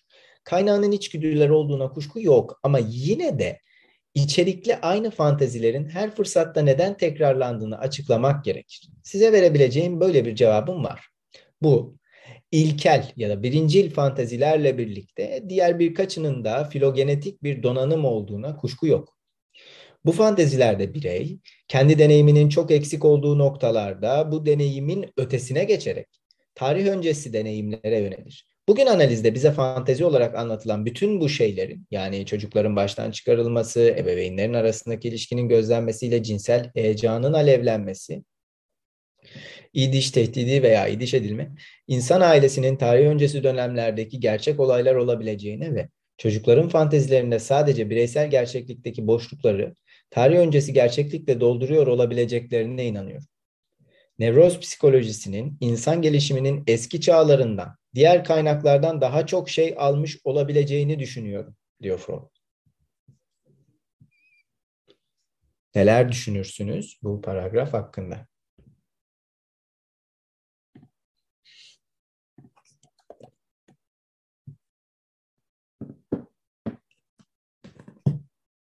Ee, Ben bir şey sorabilirim aslında. Burada kalıtsallığı ne açıdan düşünmeliyiz gibi bir soru sorabiliyorum. Yani yaşanan çocukta yaşanan bu tüm her şeyin kalıtsallığın neresinde durduğunu anlamaya çalışıyorum. Yani bir insan hiç böyle bir şey yaşamamış olsa bile iyi diş, iyi fal her neyse edilme gibi buna benzer düşlemleri bir şekilde fantazi dünyasında kuruyor mu? Bunun kalıtsal bir e, miras mı olduğunu düşünmemiz gerekir. Aslında konuşmanın başında söyledim bunu ama burası bana biraz garip geliyor açıkçası. Böyle kalıtsal bir mirasın, daha doğrusu fantezi düzleminde kalıtsal bir mirasın olduğunu kabullenebilmek. Gerçi söylediğin ileride değiştiriyor dediğin gibi anladım ama en azından burada düşünürken bile bir, yani bir kafa açma açısından sormak istedim. Teşekkürler. Yorum yapmak isteyen var mı?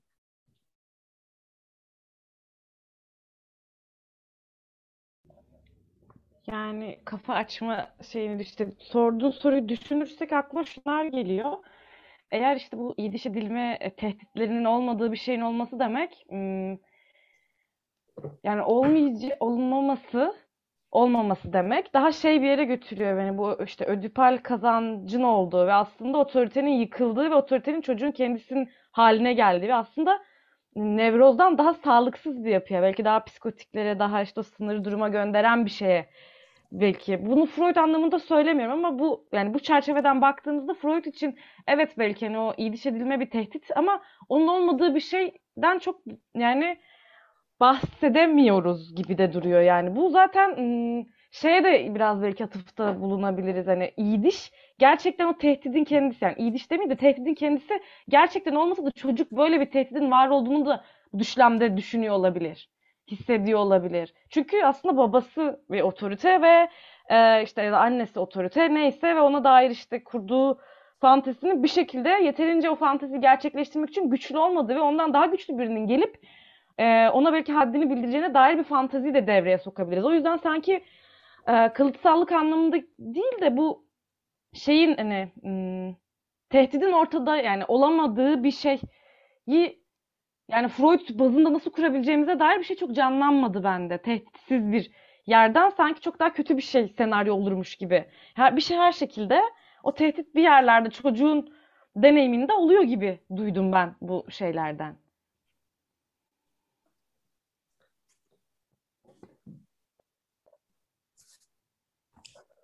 Teşekkürler Rümeysa. Eklemek istediğiniz bir şey var mı?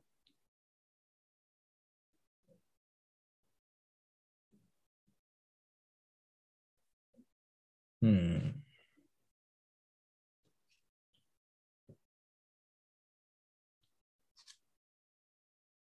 Bugün o kadar sessizsiniz ki oturum gerçek mi yoksa fantezi mi ayırt edemiyorum gerçekten. Yani umarım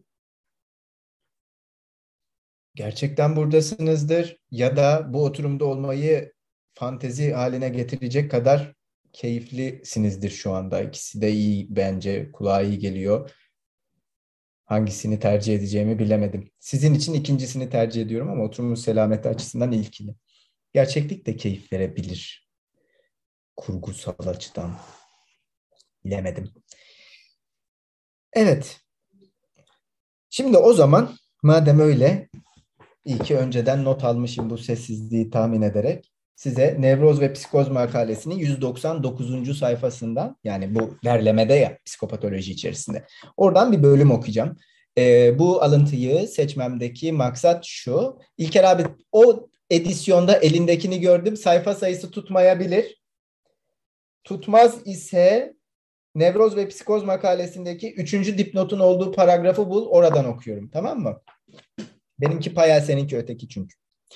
Şimdi bunu okumamdaki maksadı açıklayayım. Ee, hani burada işte kimi boşlukların, gerçeklikteki boşlukların diyelim, e, değil mi? E, tarih öncesi, bireysel gerçeklikteki boşlukların tarih öncesi gerçeklikle doldurulmasından bahsediyor Freud. Epey büyük bir ifade aslında bakacak olursanız. Diğer bir yandan hani ben şuna inanıyorum. Bu türden ifadelerin tarih öncesi gibi bir ifadenin de az önce bahsettiğim bu başına ur gelen kelimeler vardı ya. Bunlarla beraber düşünülmesi gerektiğine inanıyorum. Yani temsil problemini hep çünkü buralarda okuyorum ben ve tarih öncesi önemli. Yani hani e, Şimdi dolayısıyla size okuyacağım bir şey e, bölüm ve bir sonra bir sonraki sayfaya geçtiğimizde de nevroz ve psikoz e, üzerindeki ikinci makaleden yine bir bölüm okuyacağım. E, Elif dipnotu sormuşsun. Düşlere ilişkin metapsikolojik makale ile karşılaştırınız dipnotu bu. Yani o dipnotun olduğu paragrafın bir kısmını okuyacağım. Şimdi bu hani boşlukları doldururlar diyor ya Freud. Şimdi benim size okuyacağım paragrafta e, normalde egonun dünyayı nasıl e, kurduğunu anladığını diyelim açıklayacak Freud. Sonra zeka geriliğinden bahsedecek ve diğer psikoz biçimlerine geçecek sonraki paragrafta. Onu bilare siz okuyabilirsiniz. Ben e, bu kısmını okuyacağım. E, ki hani oturumun başında da bahsettiğim bu düşlerin psikolojisi bölümünde Freud'un sunduğu e, geçen hafta da benim Arzu'nun fenomenolojisi dediğim şeyle e, ilişkisi de biraz daha açığa çıkabilir diye umuyorum. Diğer bir yandan da hedefim gerçeklik sınaması dediği şeyin peşinden koşmak yani. Tamam. Şimdi şöyle söylüyor Freud. Çok önemli buluyorum ben bunu. Bu, bu makale zaten çok önemli de tabii. Şöyle yazıyor Freud. Normalde dış dünya egoyu iki biçimde yönetir diyor. Birincisi her zaman yenilenebilir olan, hazır bulunan, o anki algılarla ve ikincisi içsel dünya biçiminde benliğin varlıklarından birini onun öğelerinden bir bölümünü oluşturan daha erken önem dönem algılarına ilişkin anılar deposuyla. Yani elimizde diyor Freud sürekli yenilenen algılar ve bu algıların izleri var. Ve dış dünyadan e, egonun e, aldığı, topladığı şeyleri neticesinde psikik aygıtın işleme yolu bu. Değil mi? Düşlerin psikolojisi de bize bunu anlatır. Uyarımlar, yani örneğin gündüz yaşamının kalıntıları ve diğer bir yandan da onların izlerinin kendi içerisindeki faaliyet. Değil mi? Bilinç dışı süreçler yani. Ee, zeka geriliğinde yeni algıların girişi reddedilmekle kalmaz, dış dünyanın bir kopyası olarak bugüne dek dış dünyayı temsil etmiş olan içsel dünya da anlamını yani var olan tutma yetisini yitirir. Ego buyurgan bir tutumla yeni bir dış ve iç dünya yaratır. Burada iki olgudan kuşku duyulamaz. Bu yeni dünyanın idin istek dolu itkileriyle uyum içinde oluşturulduğu olgusu ve dış dünyadan kopmanın itici gücünün bir arzunun gerçekliğinin ciddi olarak boşa çıkması, dayanılmaz bir şekilde olanaksızlaşması olgusu. Tamam? Şimdi buranın yani zeka geriliğinden bahsettikten sonra ne kastettiğini çok iyi açıklıyor bir sonraki paragrafta birkaç satırda. Diyor ki Freud, sanrıların oluşumu konusunda çok sayıda çözümlemenin bize öğrettiğine göre sanrı egonun dış dünyaya ilişkilerinde bir yarılmanın ortaya çıkmış olduğu yerin üstünün yamanmasıdır. Tamam? Şimdi e, müsaadenizle yani madem siz söz almadınız ben sözümü biraz uzatayım. Şimdi şunu hatırlayın. Sanrı bir dış dünya ile ortaya çıkan yarılmanın bir yamayla yamanması dedi Freud tamam mı? Bu cepte kalsın. Şimdi size e, Yaren'le beraber neredeyse bir yıl önce okuduğumuz Analizde İnşalar makalesinin son bölümünden yani 1937 bu arada burada tarih son bölümünden e, bir kısım okuyacağım.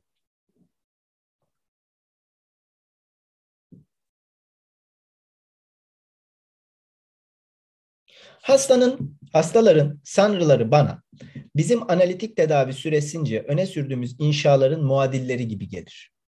Açıklama ve iyileşme girişimlerinin psikozun koşulları altında şu anda reddedilen gerçeklik parçasının çok uzak geçmişte çoktan reddedilmiş yani Verleugnung bu arada bu reddetme.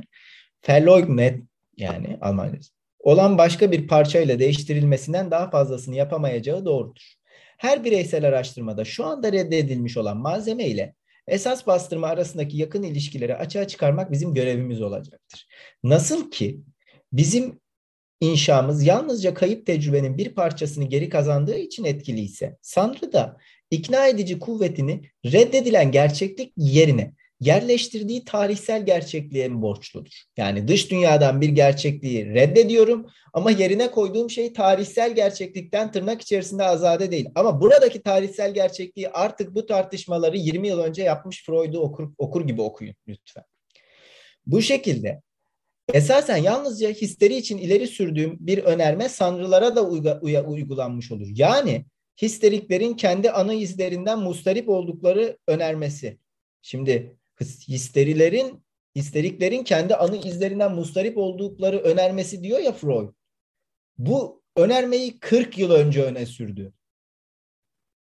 1893'te. Breuer'le beraber yazdıkları ön bildirdi. Bakın 1893 benim size okuduğum düşleme ilişkin olan mektup parçasından bile 4 yıl öncesinden bahsediyoruz. 40 yıl sonra geri dönüyor oraya ve diyor ki aynı şey bu işte. Bu kısa formül ile hiçbir zaman hastalığın nedeninin karmaşıklığını tartışmayı ya da pek çok etkenin işleyişini dışlamayı amaçlamadım. Bakın. Evet bir histerik ana izlerinden muzdariptir ama ben bu iş bunu yap söyleyerek bir şey kolaylaştırmıyorum. Yine tamamlayıcı dizilerden bahsediyor ve bence dört satırlık mükemmel bir paragraf geliyor. Yani bizim web sitemizde dört satır ediyormuş. Belki başka bir yerde başka sayıda edebilir. Şöyle demiş. Şayet insanlığı bir bütün olarak düşünecek, bu İlker abinin ilgisini çeken paragrafın bir başka yorumu olabilir. Şayet insanlığı bir bütün olarak düşünecek ve onu tek bir kişiyle değiştirecek olursak, onun da mantıksal eleştiri için erişilemez olan ve gerçeklik ile çelişen sanrılar geliştirdiğini keşfederiz. Şayet buna rağmen insanlar üzerinde olağanüstü bir güce sahipseler, araştırmamız bizi tek bir kişidekiyle aynı açıklamaya yönlendirir. Bakın özetliyorum diyor ki bütün insanlığı bir kişiyle değiştirin o da sanrılara sahiptir ve bu sanrılar çok önemlidir. İnsanlığın bakın Freud burada insanlığın sanrılarından bahsediyor. Ve bu sanrı çok önemlidir diyor. Mitler gibi düşünün bunu belki. Bizi tek bir kişidekiyle aynı açıklamaya yönlendirir. Neymiş bu açıklama? Güçlerini unutulanın bastırılması ve ilkel geçmişten aldıkları tarihsel gerçeklik unsuruna borçludurlar. Bu sanrılar güçlerini bastırmadan ve tarihsel gerçeklik unsurundan alırlar diyor bize Freud. Tamam? Ve örneğin diyor ki bakın bu makalenin daha ilk bölümlerinde delilikte sadece yöntem yoktur, tarihsel gerçeklik de vardır diyor.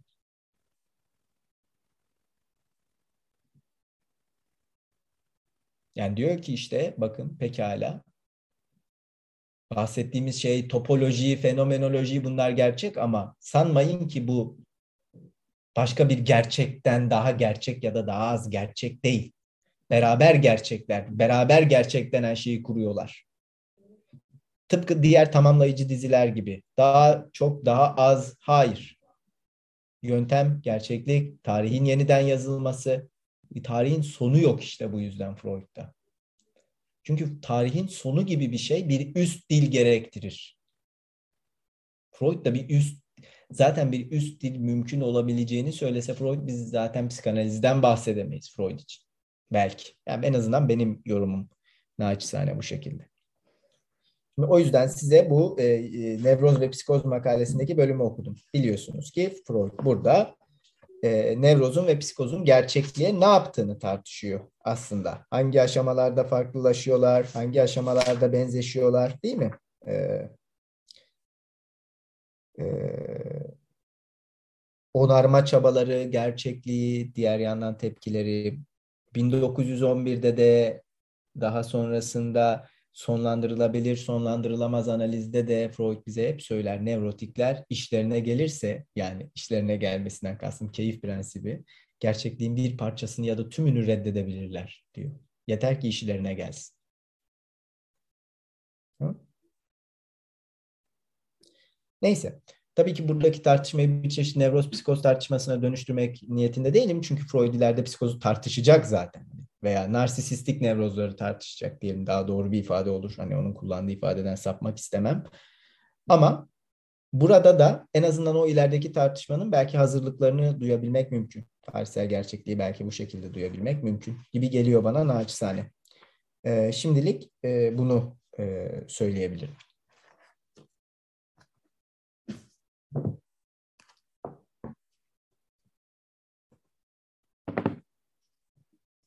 Var mı yorumunuz?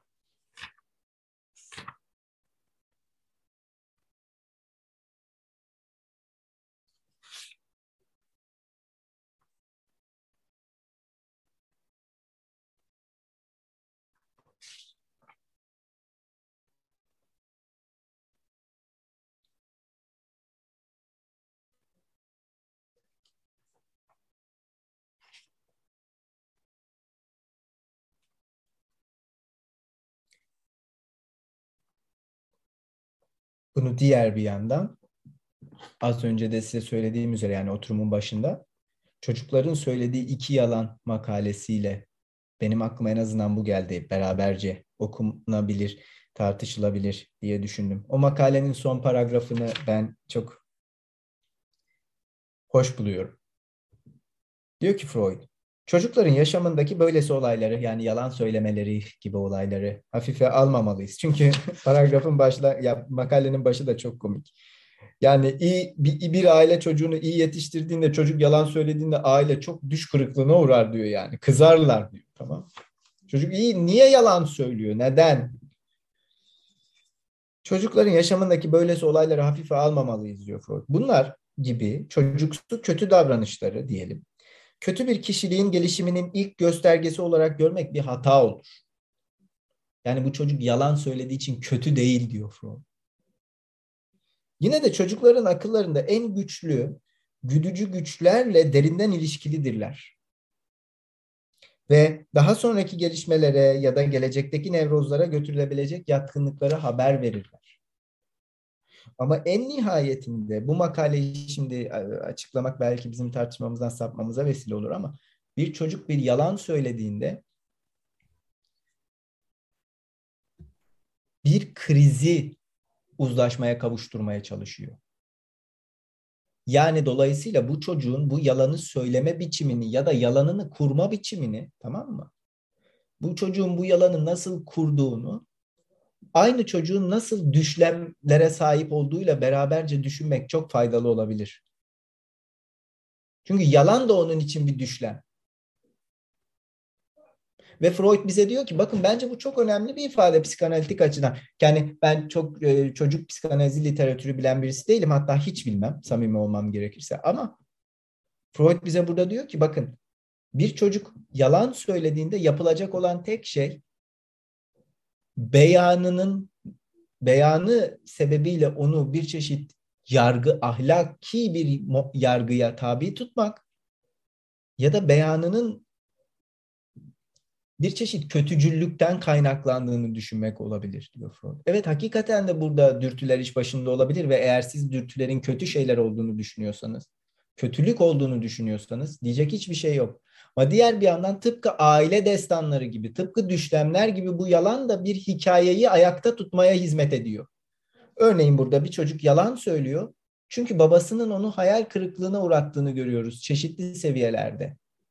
Hangi seviyelerde? işte babası zannettiği kadar kusursuz bir adam değilmiş ya da babası onun aşkına cevap vermemiş. Ve bunu bir yalanla telafi ediyor okulda.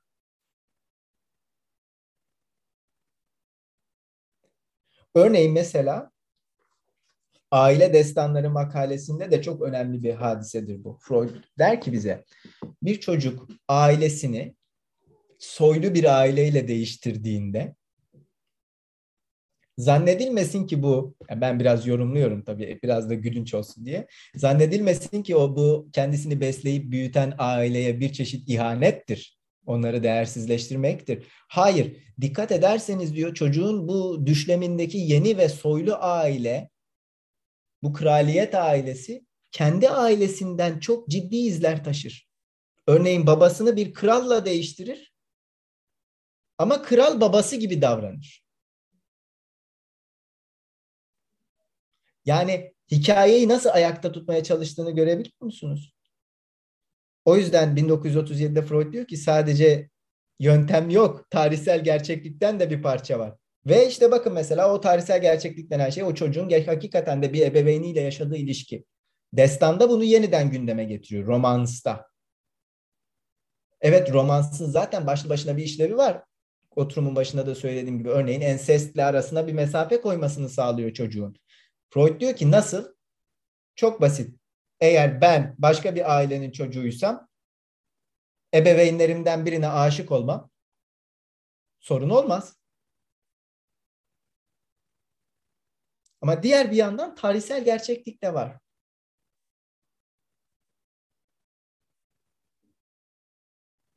Babamı yerine koyduğum adam babam gibi davranıyor. Ya da annemi yerine koyduğum kadın beni annem gibi parka götürüyor gibi. Biraz karikatürize ediyorum. Tamam Hani ben burada hani bu dolduruyor diyor ya bu gerçeklikle. Bireysel gerçeklikteki boşlukları bir şeyle dolduruyor ya burada. İşte onunla dol bunun bunlarla dolduruyor yani. Bu doldurmanın çeşitli tezahürlerini göstermeye çalışıyorum. Yalan söyleyerek, aile düşlemleriyle falan. Ee, bu paragraflarda ben e, çok kabaca bunları okuyorum, bunları duyuyorum. Sizin için en azından bu notları almıştım. Var mı bir yorumunuz? Ben küçük bir şey ekleyebilirim. Bu yalan konusunu aklıma şu geldi. Bir yandan az önce konuştuğumuz nesnel gerçeklik ve ruhsal gerçeklik konusunda sanki yalan bir ruhsal gerçekliğin ya da üretilen ruhsal gerçekliğin nesnel gerçekliğe dayatılması demeyeyim ama sokulmaya çalışılması gibi duyuluyor. Hani kabul ettirilmeye çalışılması gibi de duyuluyor. Ne sadece bunu söyleyeyim.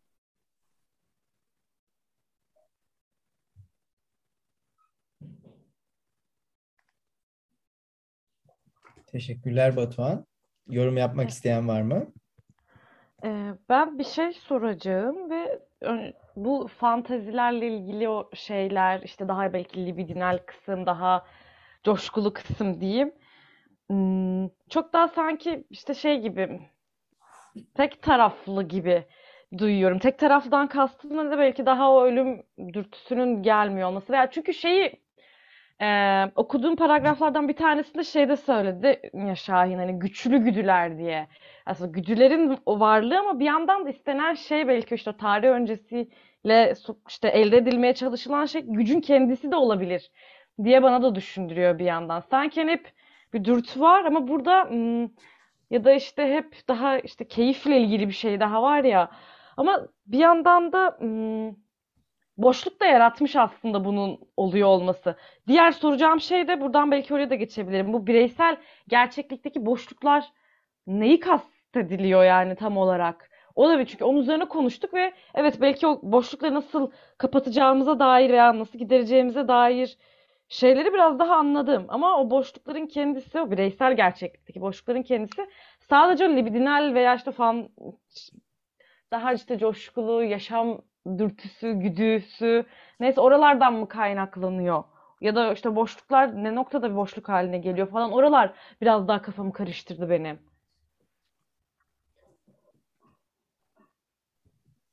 Bence çok iyi bir soruydu. Çok teşekkür ederim kendi adıma.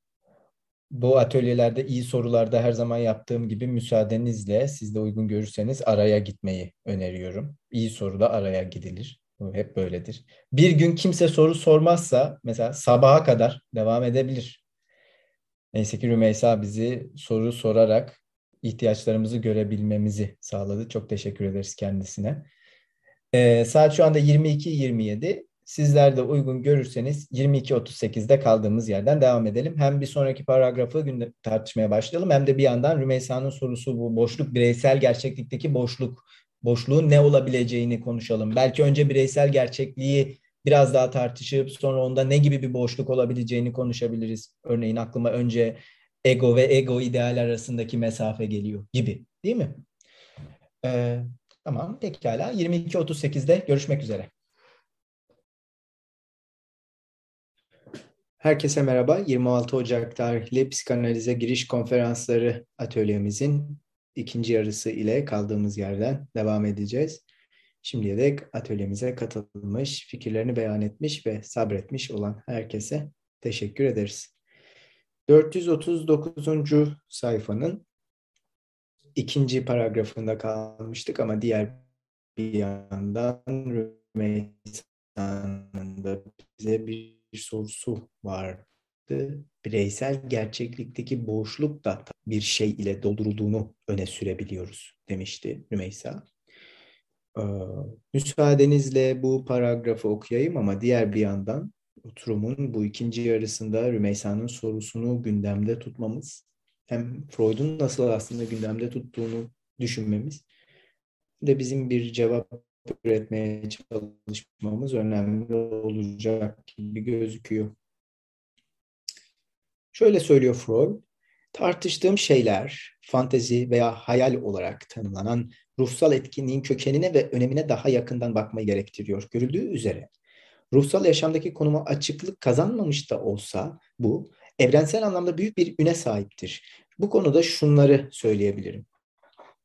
Bilindiği gibi insan egosu dış gerçekliği kabul edip gerçeklik ilkesine boyun eğecek şekilde dış baskıyla ve yavaş yavaş eğitilir. Bu sürecin akışı içinde haz sadece cinsel haz değil, almak için yöneldiği bazı nesnelerinden ve amaçlarından geçici veya sürekli olarak vazgeçmeye zorlanır. Ama insan hazdan vazgeçmeyi her zaman zor bulmuştur. Bu tür bir tür dengeleyici telafi olmaksızın yani dengeleyici ya da telafi olmaksızın bunu yapamaz. Aristoteles'in etiğinin de ikinci ve ikinci bölümünde ve üçüncü bölümünde hemen öne sürdüğü ilk şeylerden birisi bu. Haz, hazdan vazgeçmek pek çok şeyden daha zordur diyor Aristoteles. Yani.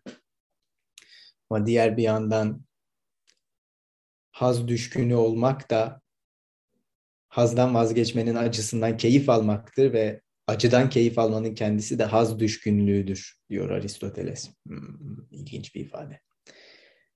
Bu nedenle bütün bu terk edilen haz kaynaklarının ve hazza, haza ulaşma yöntemlerinin varlığını korumasına izin verilen bir ruhsal etkinliği sürdürür. Bu gerçekliğin ve gerçeklik testi dediğimiz şeyin gereklerinden muaf bir varoluştur.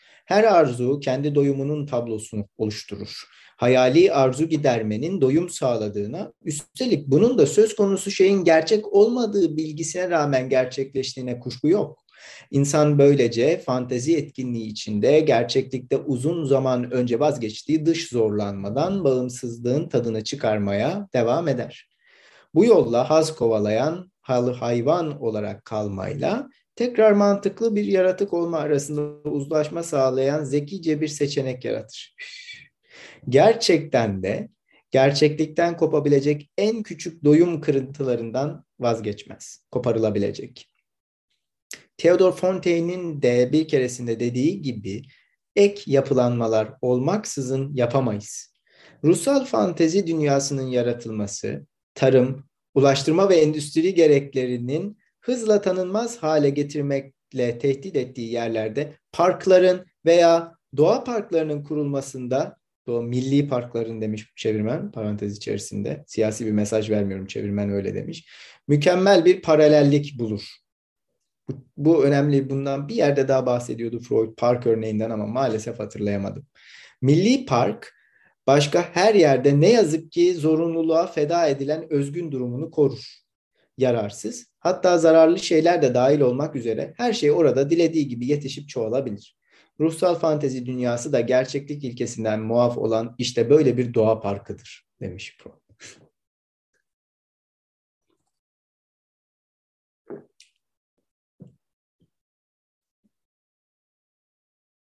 Lütfen bu paragraf hakkında yorum yaparken podcastlerimizin selametini etkileyecek bir şey söylemekten kaçınınız.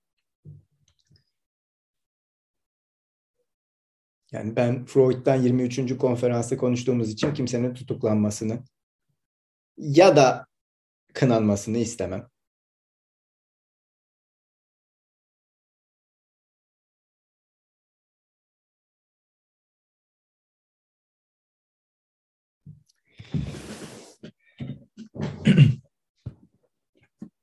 Endişenizi anlıyorum. O yüzden ben aldığım diğer notu okuyarak bu e, politik gerginliğe bir son vereyim. Neymiş sayfa? Evet, bir saniyenizi alacağım.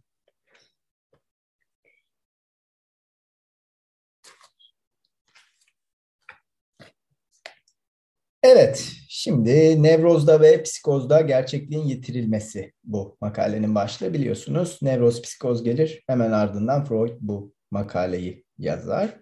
Ee, yine benim okuduğum bu Payel baskısında, ben hep Payel baskısından okurum. 211. sayfa. Mümkünse bir şeyi Payel'den okuma şansım varsa Payel'den okurum. Yoksa Türkçesini okumam. Şöyle söylüyor Freud. Nevroz genellikle söz konusu gerçeklik bölümünden kaçınmak ve onunla ilişkiye girmeye karşı kendini korumakla yetinir. Yani keyif alınmayan bir gerçeklik bölümü takdir edersiniz ki bu. Bununla birlikte nevrozda da uyuşulamayan gerçekliği kişinin istekleriyle daha uyumlu bir gerçeklikle değiştirme çabalarının eksik olmaması durumunun kendisi nevrozla psikoz arasındaki kesin ayrımı zorlaştırır. Tamam Diyor ki bakın, nevrozda uyuşulamayan bir gerçekliği kişinin kendi istekleriyle ne uygun olacak bir gerçeklikle değiştirmek gibi bir şey vardır, yatkınlık vardır, bir faaliyet vardır ve gerçekten bu nevroz ve psikoz arasındaki ayrımı problemli hale getirir diyor Freud. Bu bir düşlem dünyasının yani buradaki doğa parkı gibi düşünün. Bu bir düşlem dünyasının gerçeklik ilkesinin ortaya çıkışı sırasında gerçek dış dünyadan ayrı bir hale gelen bir alanın varoluşu ola, varoluşuyla olası kılınır. Bu alan o zamandan beri bir tür koruma alanı gibi yaşamın zorunluluklarının istemlerinden özgür biçimde korunmuştur. Benlik için erişilemez değildir. Sadece ona gevşekçe bağlanmıştır. Nevroz, yeni istek dolu yapılar için malzemeyi işte bu düşlem dünyasından çıkarır ve genellikle bu malzemeyi daha doyurucu bir gerçek geçmişe gerileme yolunda ilerlerken bulur. Birazdan da Freud tartışacak değil mi? Tartıştı hatta. Hani regresyonda düşlem bu sermayeyi nereden buluyor dedi diyecek Freud. Soru bu yani gerileme var. Düşlem ortaya çıkıyor da düşlemi e, düşlemi inşa edebilmek için bir sermayeye ihtiyacınız var. Tıpkı örneğin espri yapabilmek için de bir sermayeye ihtiyacınız olduğu gibi. Yani beş kuruşsuzsanız gülecek haliniz kalmaz der bize Freud bastırma makalesinde. Maliyetli bir iştir espri. Tıpkı bu doğa parkı gibi. Bir yandan da ego ile gevşekçe bağlanmıştır diyor. Bu da aslında haz ilkesi, özür dilerim, kaygı yani 1926'daki kaygı makalesiyle belki beraberce düşünülebilir.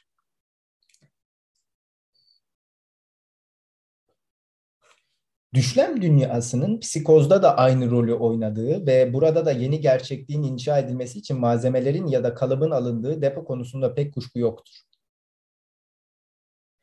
Ama bir psikozun yeni, imgesel dış dünyası kendini dış gerçekliğin yerine koymaya çalışırken, nevrozun ki tersine çocukların oyunları gibi gerçekliğin bir bölümüne, kendini karşısında savunması gerekenden farklı bir bölüme bağlanmaya ve o bölüme özel bir önem ve her zaman tam da uygun olmayan biçimde simgesel dediğimiz gizli bir anlam vermeye eğilimlidir.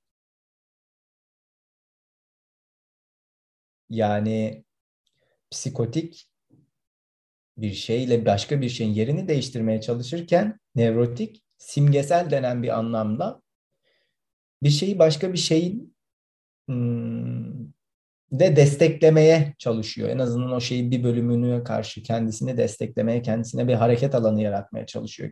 Bakın ama burada önemli bir şey var.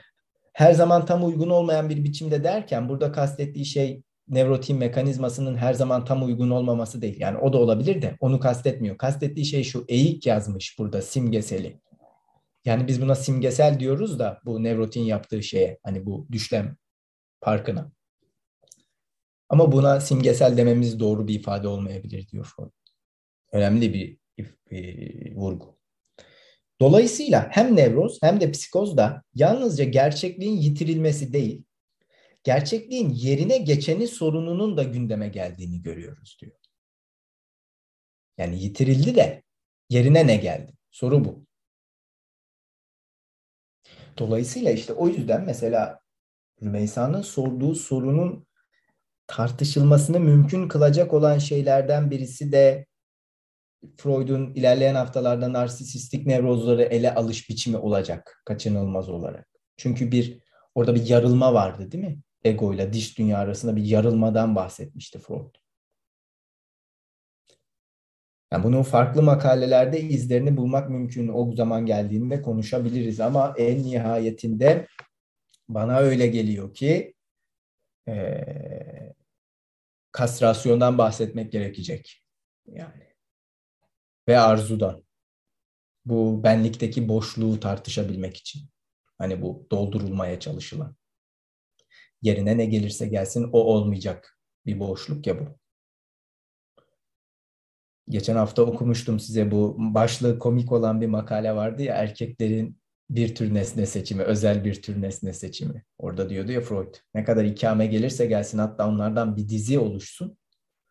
Hiçbir zaman boşluk dolmaz. Hep doldurmaya çalışırsınız. Hatta size müsaadenizle madem bu kadar e, farklı şeyden bahsettim.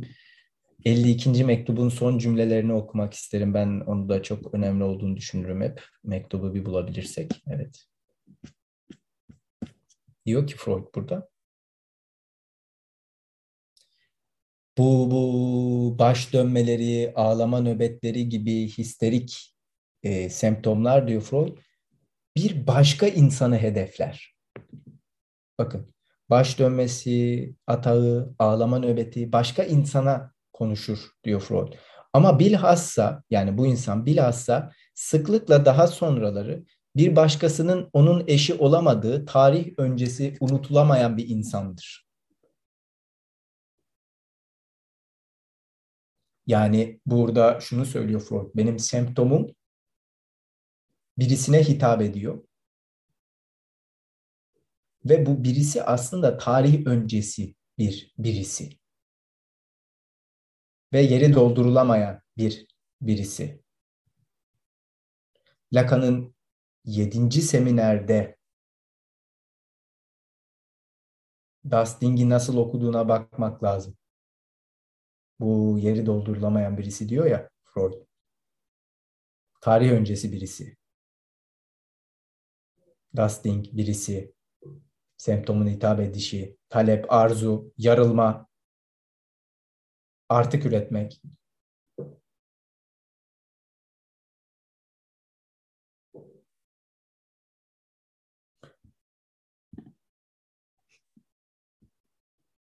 Ben bir şey sorabilir miyim? Aa, lütfen. Şey bu yeri doldurulamaz birisi, tarih öncesi birisi den bahsettik ya şimdi. Aklıma şey de geldi bu çocuğun söylediği yalanla ilgili olan kısım. Orada da aslında doldurduğu şey belki daha e, hem tarih öncesinden hem belki işte kral dedik işte ama aynı zamanda izlerini de taşıyor diye. Sanki yeri, onunla çok benzer buldum aslında o hem fantazi üzerinden de konuşuyoruz ya. Hem işte o kriz anlarını uzlaşmaya getiren bir şey işte boşluğu doldurmaya da çok bence karşılık geliyor o anlamda.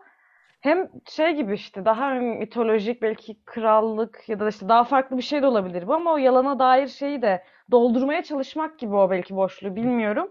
Ama çok şeyle benzer geldi. Mesela babasını belki hani direkt yani o şeyde koymuyor da başka bir aile üzerinden yaşadığı zaman o bireysel gerçeklikteki belki o işte alanı açıyor. Ensestiyöz fanteziye bir olanak sağlıyor. Çünkü başka birinin ailesi. Aslında tam yalan gibi de değil. Yani onları bilmiyorum ama çok ikisini bir arada düşündüm. Ben e, şey söylemek istiyorum. Hem Rümeysa'nın aslında e, sorduğu soru üzerinden hem de sonra Şahin ekledikleri e, yani aklıma şey gelmişti benim bir çocuk dövülüyor gelmişti yine. Çünkü orada Freud e, nevrozların çekirdeğini Oedipus kompleksini e, rol oynadığını söylüyor ve e, orada şöyle bir bölüm yani bir yer vardı. E, orayı hemen kısaca okumak istiyorum. Yaşantıyla kompleks arasındaki bugüne kadar bastırılmış olan bağlantılar analiz ilk patojenik, hastalık yapıcı, yaşantıdan öncesine ışık tutmadığı ölçüde mutlaka bulanık kalacaktır. E, bulanık kelimesi bana çok ilginç gelmişti. E, burada da hani bunu bana hatırlatan aslında boşluk e, yani Rümeysa'nın boşluk e, deyişi oldu. Çünkü bir yerde orada hep hatırlanamayan şeylerin belki de az önceden beri üstüne konuştuğumuz e, o makaleler, aile romansı, çocukların söyledikleri yalan, e, o boşluklarına yani temelinde aslında Oedipus kompleksinden rol oynadığından bahsediyor Freud ve e, sanki o m, yalanlar ve e, aile romansında o çocuğun e, hatta işte en son paragrafında o kral ve kraliçe e, yetişkinlikte bile hani böyle bir rüyaya e, gidebileceğini söylüyordu Freud. E, bunu böyle bir bulanık kalan yeri terlemek gibi geliyor bana. Böyle bir teselli gibi o yalanlar ve o belki gündüz düşleri, o rüyalar e, hatırlayamadığı yere dair, o boşluğa dair, o enseste dair aynı zamanda kompleks üzerinden düşünürsek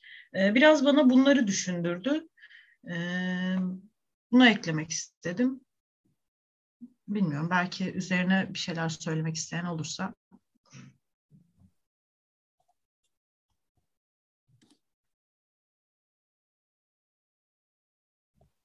Bana mantıklı geldi şey anlamında. O zaten boşluğun gerçekle fantazi arasındaki o boşluk gibi. Zaten o ensestiyözlüğü de hep bir şekilde geliyor olmamızın sebebi de o. Çünkü işte çocuğun gerçekten istediği şey boşluk olarak kalıyor yani. O gerçekleşemeyecek bir şey. Çocuğun düşleminde de gerçeklikte de yani sadece gerçeklikte değil düşleminde de belki gerçekleşemeyecek bir şey gibi. O yüzden zaten bir ara yol o tarih öncesine gitme veya işte mitlere gitme işte doldurmaya çalıştığı şey yani o boşluk sanki o şey işte ensestiyöz arzu işte o işte anneyle babayla ebeveynle birleşmeye dair o şey. Onu doldurmaya çalışıyor sanki diğer farklı yollarla. O yüzden orası boşluk olarak kalıyor da bulanık bilmiyorum bulanığa dair o şey ama sanki yani boşluk boşluk, boşluk birçok anlamda duyulabilir belki. Ee, yani o hani belki Lacancı bir yerden düşünecek olursak bu hani boşluk deyince biraz o da geliyor aklıma. Yani o öznenin kurulumuna dair o e, boşluk, o eksiklik üzerinden belki de duyulabilir ama e, bir yerde bu öznenin kendi hikayesindeki o e, bulanıklık daha farklı gibi de geliyor. E, yani ikisini birbirine çok karıştırmamak da önemli ama senin sorduğun soru en azından bana biraz e, hani o eksiklikten ziyade e, bulanıklık gibi o, oradan ben düşündüm. Belki sen oradan sormamış olabilirsin ama ben oradan belki duydum. E, biraz onu düşündürdü bana yani. Hani yanlış bir yere de çekmek istemem o yüzden.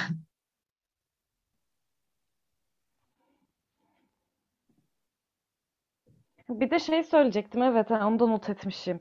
Bu işte fanteziyle gerçek arasındaki boşluk bir de Batuhan şeyden bahsetmişti o kişisel muallaklıktan. Sanki o muallaklığın, o bulanıklık, muallaklık, boşluk aslında benzer bir şeyin çevresinde de geziniyoruz. Hepimiz aslında aynı şeyi de demeye çalışıyoruz. Onu da şey diye not etmiştim işte muallaklığın da o boşluktan çıktığına dair. Çünkü işte e, gerçek olmadıktan sonra fantezi her şekilde, her türlü bir şekilde geliştirilebilir yani. İlla x bir fantezi yani sabit bir fanteziden de bahsetmiyoruz. O üzerine koyduğumuz ya da doldurduğumuz şeyi ne dair bir söz hakkı ya da bir şey olabiliyor. O yüzden o sanki çok kişisel bir yerden çıkan bir yani bu boşluğun kendisini de tanımlamış oluyoruz. Daha arzuyla ilgili bir şey. Belki ensestiyöz belki değil ama çok da arzuyla ilgili bir şey. Ve belki gerçi çocuğun veya işte o kişinin gerçekleşemeyeceğini düşündüğü boşlukta kalmak zorunda kaldı ve üstünü örtmeye ile doldurmaya çalışmaya götüren bir boşluk gibi duyuyorum. Yani daha fa işte fantezi yaratan şey o arzuların tatmin olmayacağına dair belki bir endişe veya orada bir boşluk yaratan, muallaklığın da çıktığı şey, işte fantezinin de kurulduğu şey orası gibi duydum ben de.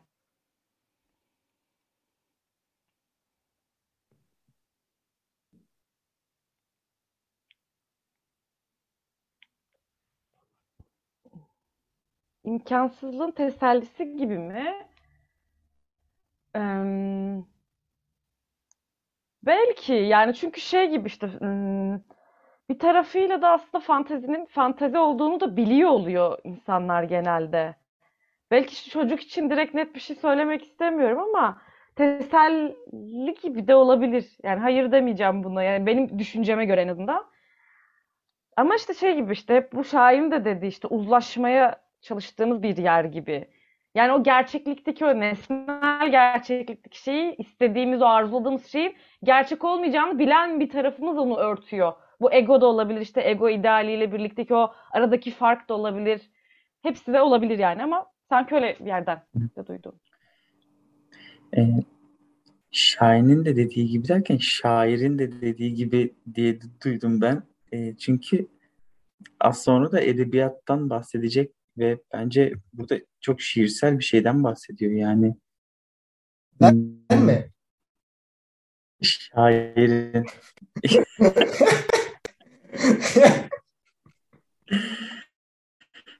ee, şimdi hazikesin ötesinde Freud doğrudan diyor ki oyunun tersi gerçek olan diyor. Yani gerçek olan oyunun tersi birbirine zıt bu şeyler yaratıcı yazarlar ve gündüz düşlerinde yetim bir oğlandan bahsediyor Freud. Bu yetim oğlan bir gündüz düş görüyor. Hatırladığım kadar bir yolculuk esnasında ve orada sahip olmadığı mutlu bir ailenin düşünü kuruyor ve kaybettiği nesneleri orada kazanıyor. Ee, Freud şöyle diyor. O düş için, gündüz düş için doyurucu olmayan gerçekliğin bir düzeltmesidir diyor. Yani bu benim dikkat timi çeken yer şurası. Her arzu kendi doyumunun tablosunu oluşturur. Bana çok büyük bir ifade gibi geliyor. Hayali arzu gidermenin e, doyum sağladığını, üstelik bunda söz konusu şeyin gerçek olmadığı bilgisine rağmen gerçekleştiğine kuşku yok. Bu bana çok edebiyatla alakalı bir şey ya da sanatla alakalı bir şey gibi geliyor. Bilmesine rağmen onu sürdürüyor. Hatta diyecek ki buna insanlar katılacak da sanatçı bunu kuracak ve insanlar buna katılacak. Bölümün sonlarında öyle bir şeyden bahsediyor. Ee, Freud. Dolayısıyla bunun bu boşluğun e, katılımlı bir boşluk olabileceğini düşünüyorum. Yani sanatla alakalı bir yanı var bence. E, şairin dediği gibi.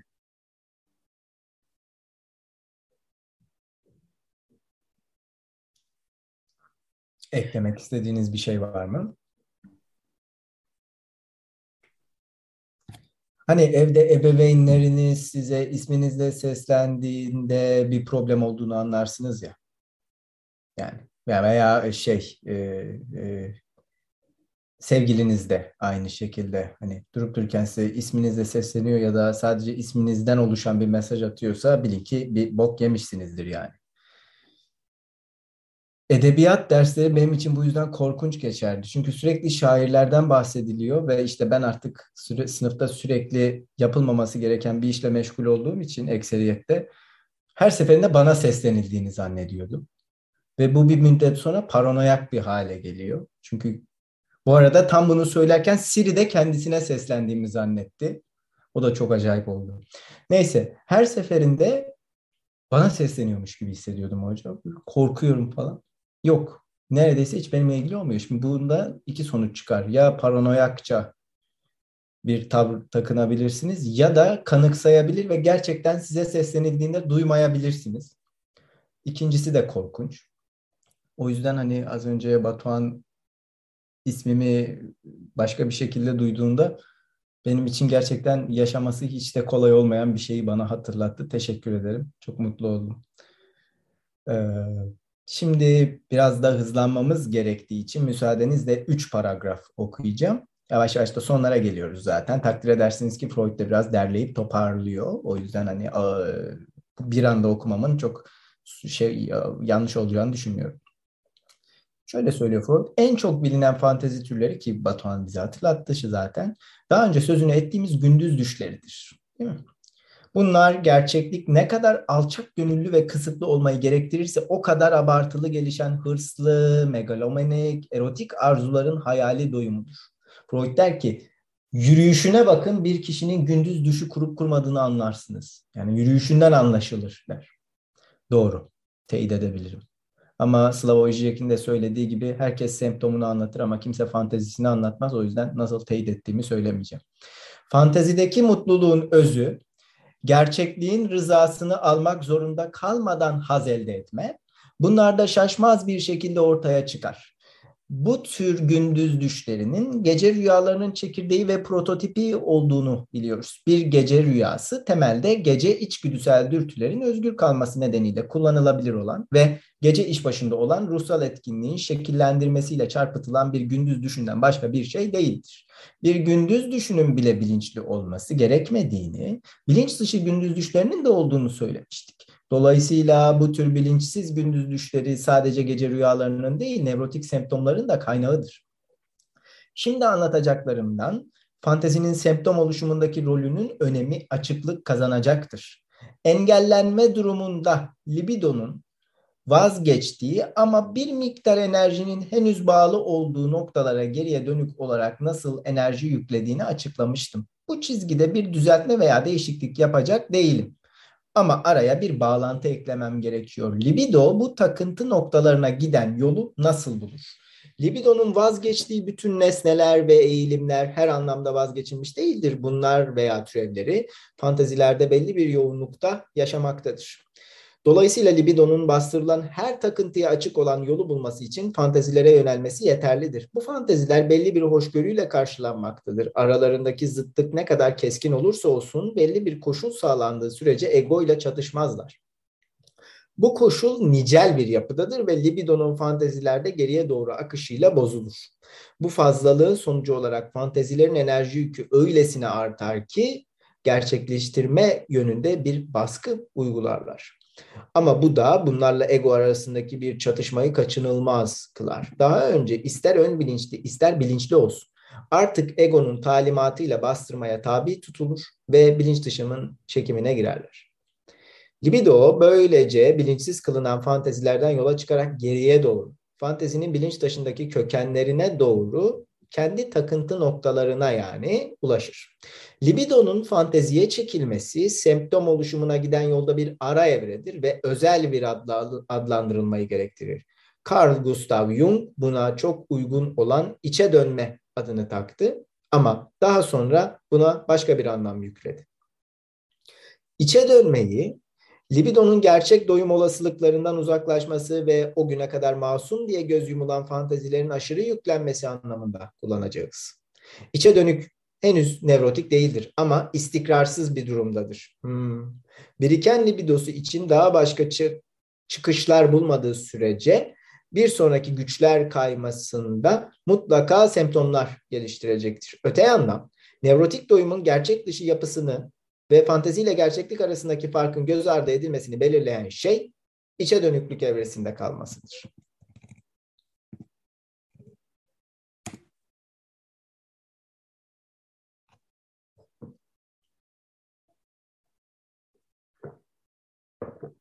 Burada da artık içe dönmeden de bahsettiği için libidonun da regresyonu ve benzeri meselelerden burada kendisini aslında Rümeysa'nın sorusu bağlamında hala e, narsisistik nevrozlar meselesi bence dayatıyor ister istemez.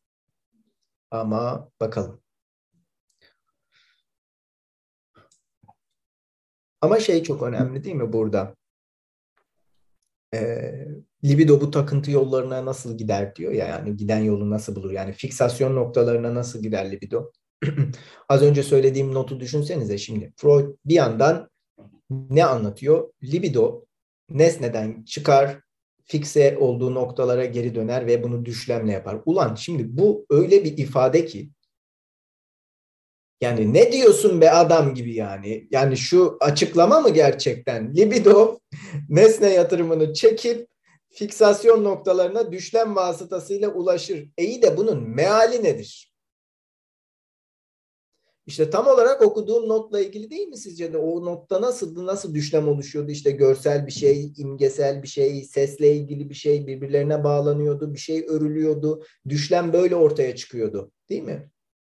Yani libido geriye dönük, geriye doğru olan hareketini gerçekleştirirken diğer bir yandan da bu hareketin gerçekleşmesini mümkün kılan patikanın gösterenler vesilesiyle nasıl döşendiğini görüyor musunuz yani?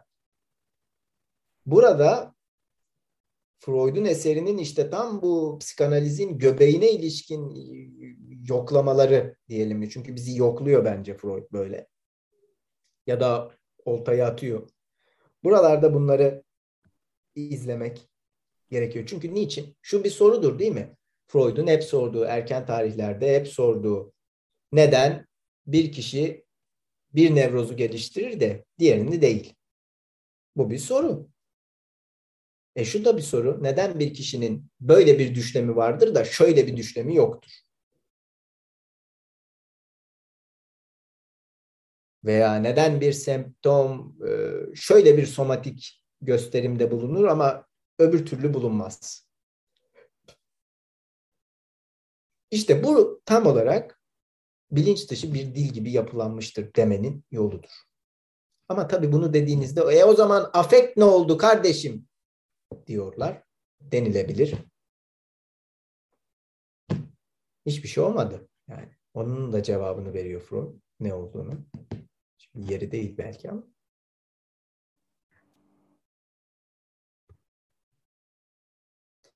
Var mı yorum yapmak isteyen?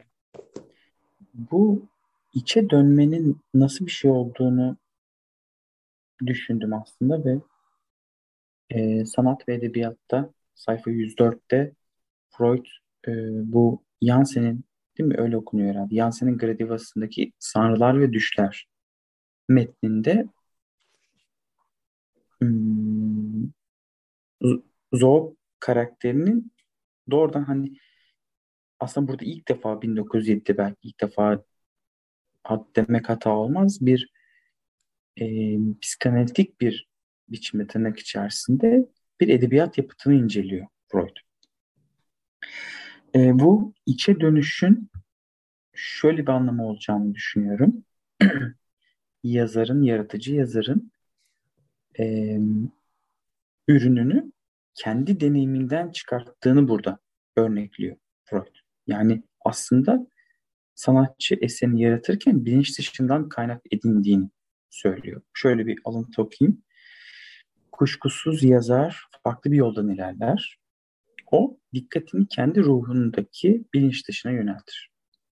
Onun gelişim olanaklarını yakından izler ve bunları bilinçli eleştiriye bilinçli eleştiriyle baskılamak yerine sanat yoluyla ifade eder.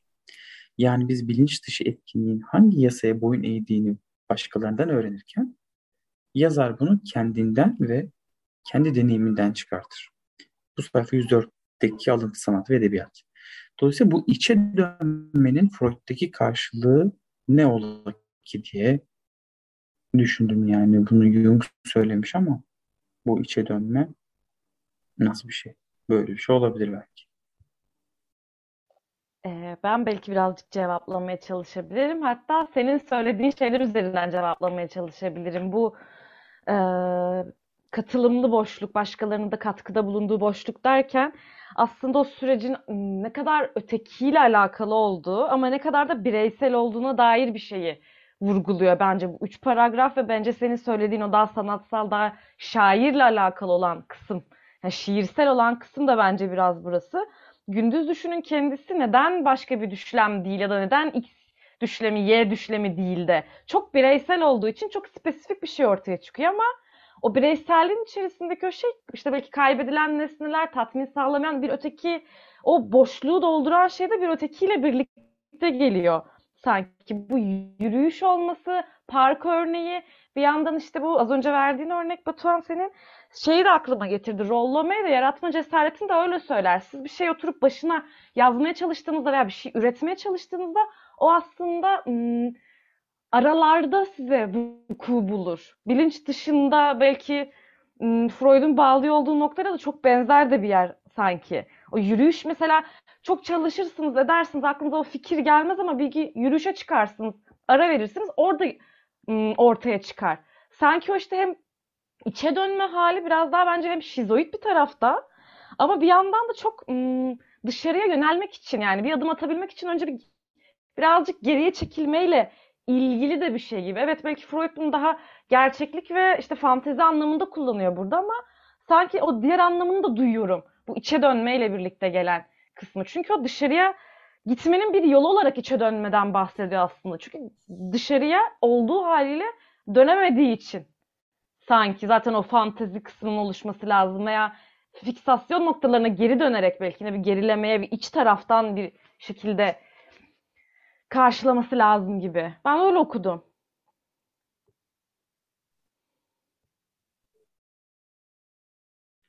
Ben de bir şey ekleyebilir miyim? Biraz geri gideyim yalnız ama. Libido geriye doğru akarken bu konumları enerjiyle yüklemek suretiyle egodan ve yasalardan kaçarken, yasalarından kaçarken aynı zamanda egonun etkisi altında kazandığı eğitimin tamamını bir yana bırakır. Şimdi şizoid çekirdekten bahsediyor gibiyiz aslında biraz. Sen söyledin biraz Rümeysa. Eğer burada yaratıcı olmak istiyorsa benim anlayacağım libidonun bu gerileme noktalarında egonun terbiyesiyle bir sanatçının üretebileceği sanat e, oldukça kısır olacakmış gibi geliyor bana. Ama egonun terbiyesinden kaçtığı anda gerçekten o o yasanın ötesinde olanla karşılaştı, kaotik olanla karşılaştığında onun nasıl ifade edebileceğini e, belki egonun yasalarından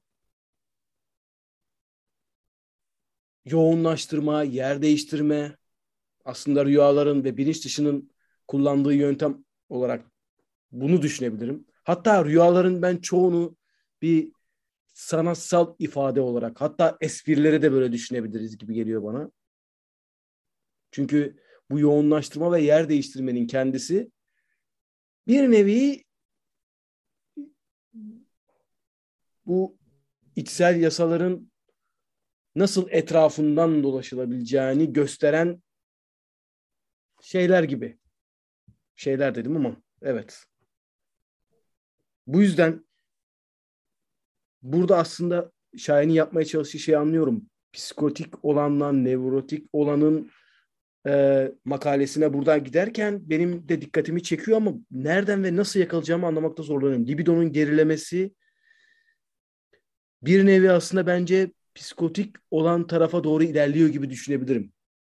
Libidonun aşırı gerilemesi. Belki kişisel bir yorumdur. Belki doğru değildir. Sadece ben şu an spekülasyon yapıyorum zaten. Ama biz burada nevrozlardan bahsediyoruz. Ama diğer yandan libidonun bu aşırı gerilemesi yasanın ve onun da ötesine geçtiğinden dolayı benim için psikoza yakınlaştığı hissini yaratıyor.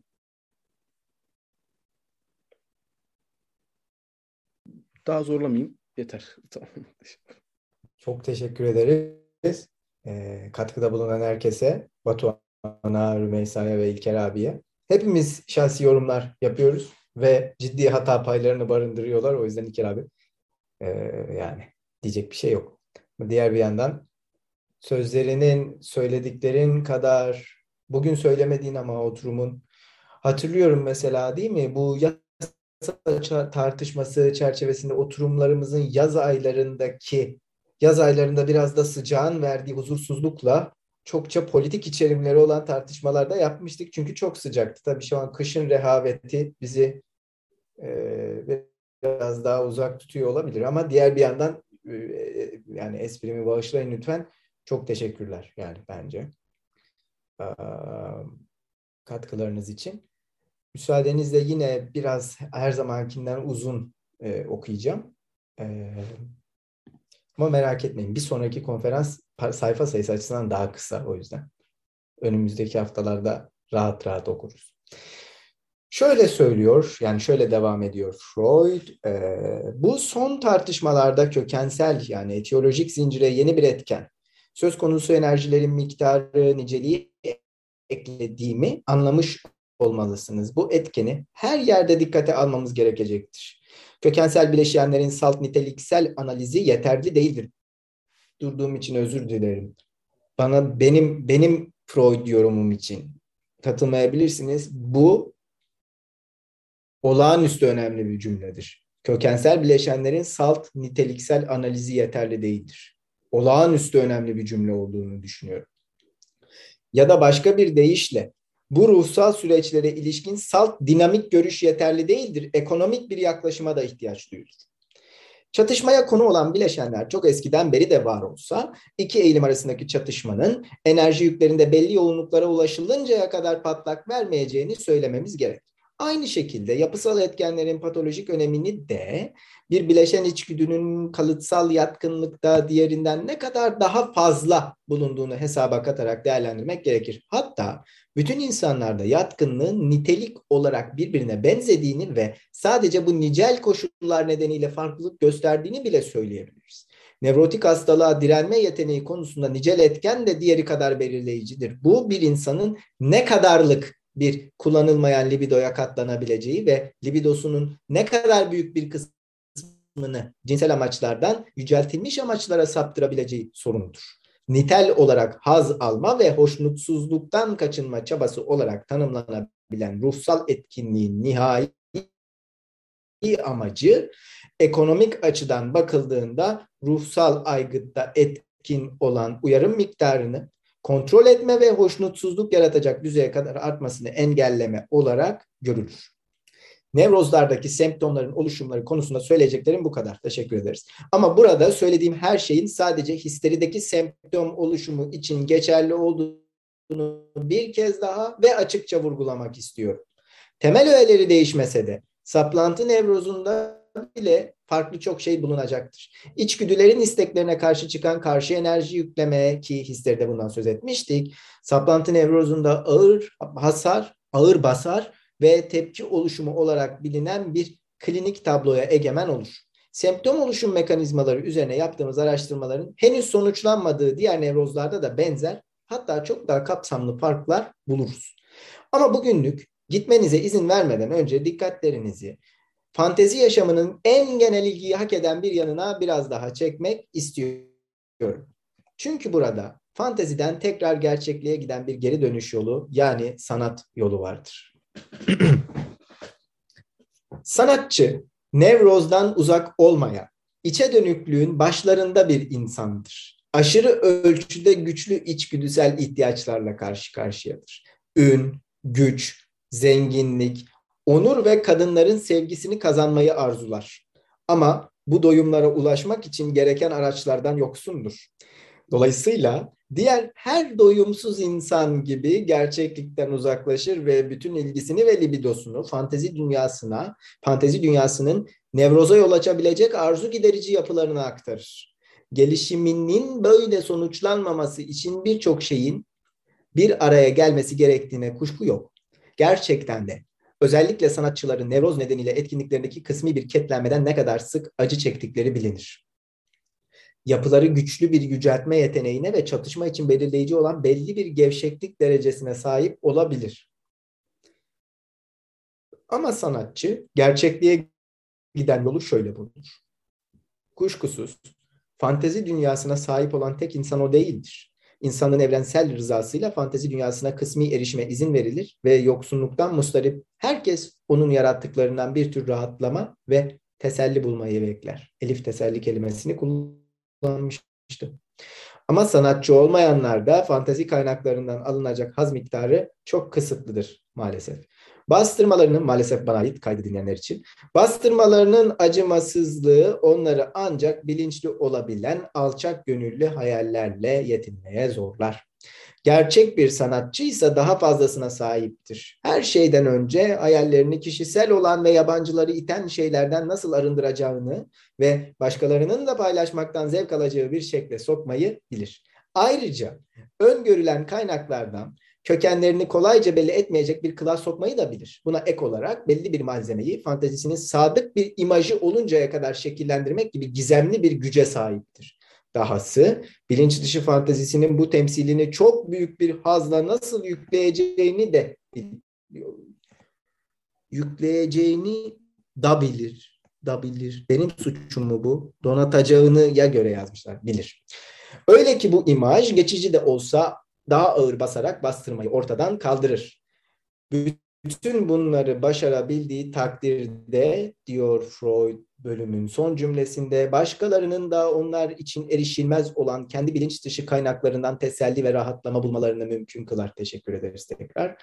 Onların minnetini ve hayranlığını kazanır ve böylece başlangıçta sadece fantezi dünyası içinde ulaştığı şeyleri, onuru, gücü ve kadınların sevgisini fantezi dünyası sayesinde elde eder demiş Freud ve 23. konferansını burada sonlandırmış. Neler söylemek istersiniz bu o infial yaratabilecek son cümleler hakkında? Evet ben de farkındayım maalesef. Maalesef Freud bütün sanatçıları erkek kıldı ve bütün erkekleri kadınlardan hoşlandırdı ya da hoşlandırmak zorunda bıraktı herhangi bir insandan. Ben de farkındayım. Ben de memnun değilim ama söyledi. Ne düşünürsünüz? Sanat sepet işleri, karı kız işleri demiş. Gerçekten öyle demiş kelimenin tam anlamıyla. Ee, bu katılımlı oyun olması ve katılımlı oyun olması benim çok dikkatimi çekiyor. Mesela bana çok etkileyici geliyor bu Sunay Akın'ın bir şiiri. Ok Lütfen. okuyayım kısaca. Ezberden şeyler. Hadi. Ee, mesela bilerek mi yanına almadın giderken başını yastıkta bıraktığı çukuru güveniyordum oysa ben sevgimize vapur iskelesi ya da tren istasyonundaki saatin doğruluğu kadar. Beni senin gibi bir de annem terk etmişti ki göbeğimde durur onun yokluğundan bana kalan çukur. Yani e, bu açtığı duygusal şey nasıl söyleyeyim o kadar insanın katılabileceği bir alan ki anlatabiliyorum. Dur Şahin sen gülecek misin gibi duruyor ama Yok gülümsüyorum çok hoşuma gittiği için. yani öylesine ağır duyguları olan bir şiir ki ve insanların o kadar içine girebileceği bir şey ki bu çok önemli bir örnek bence. Katılımlı bir e, şey olması. Öyle tarifliyor olması sanat. Teşekkür ederiz Batuhan.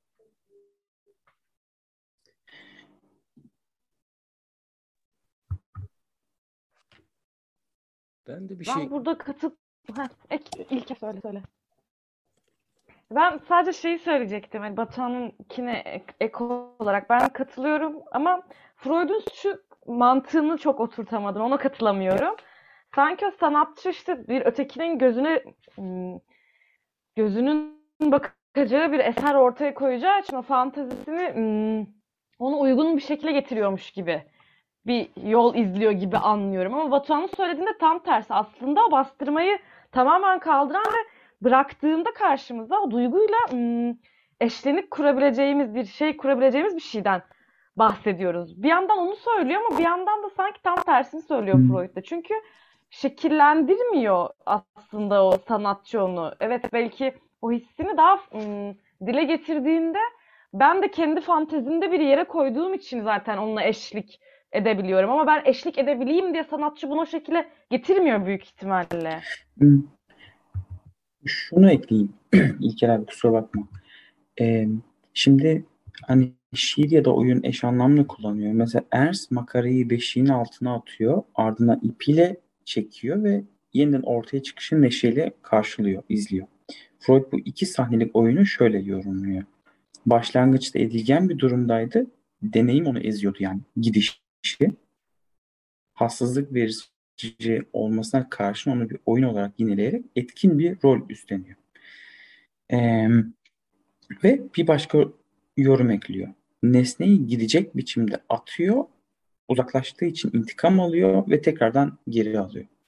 Yani burada aslında bana kalırsa bir kızgınlık da var. Her ne kadar böyle bir e, duygusunu doğrudan tarif etmiyor ama böyle bir keder varsa eğer ama burada bir kızgınlık da var. Bilerek mi yanına almadın dediği ve çıkıştığı bir taraf da var. Bana kalırsa hani e, hani Freud Ernst'in oyununu yorumlarken şöyle diyor. Küstah bir anlam taşıdığını da söylüyor. Git ve sana gereksinimim yok. Seni kendim gönderiyorum. Dolayısıyla bence orada e, bir kızgınlık da var. Hani bilerek mi yanına almadın yanına giderken diyerek o boşluğu, çukuru bilmiyorum. Ee, aklıma bu geldi.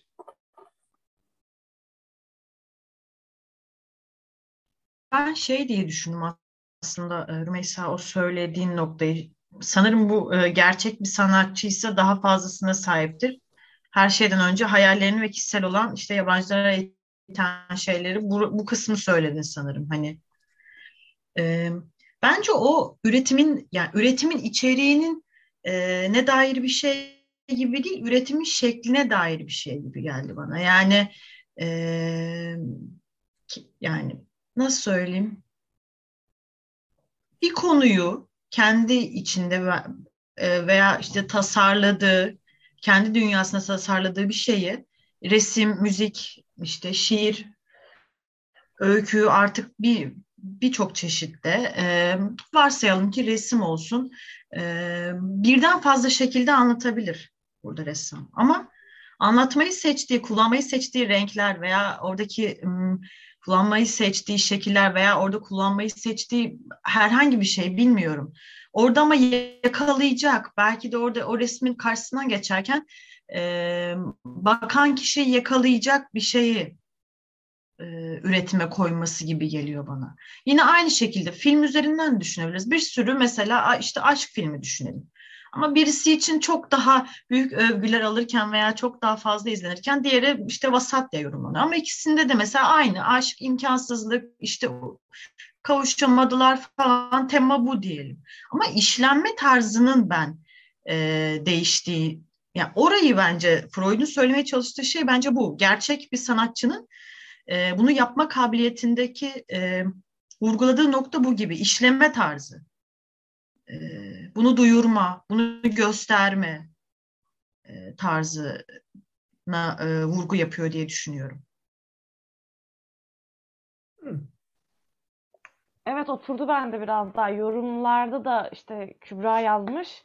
E, o Lacan'ın şeyi gibi işte hmm, Margaretesi gibi eğer okunsaydı işte yazdıkları başarılı olabilseydi psikoz durumunda kalmayacaktı diye. Belki sanatçının gerçekten kendini okutması, dinletmesi gibi bir şey işte fan yani kendi gerçekliğini işte fantazisinden zaten destek alarak bir şey çeviriyor. Hem katılımlı oyun gibi dediğimizde bir şeye dönüştü. Sanki evet anladım biraz da o şeyi.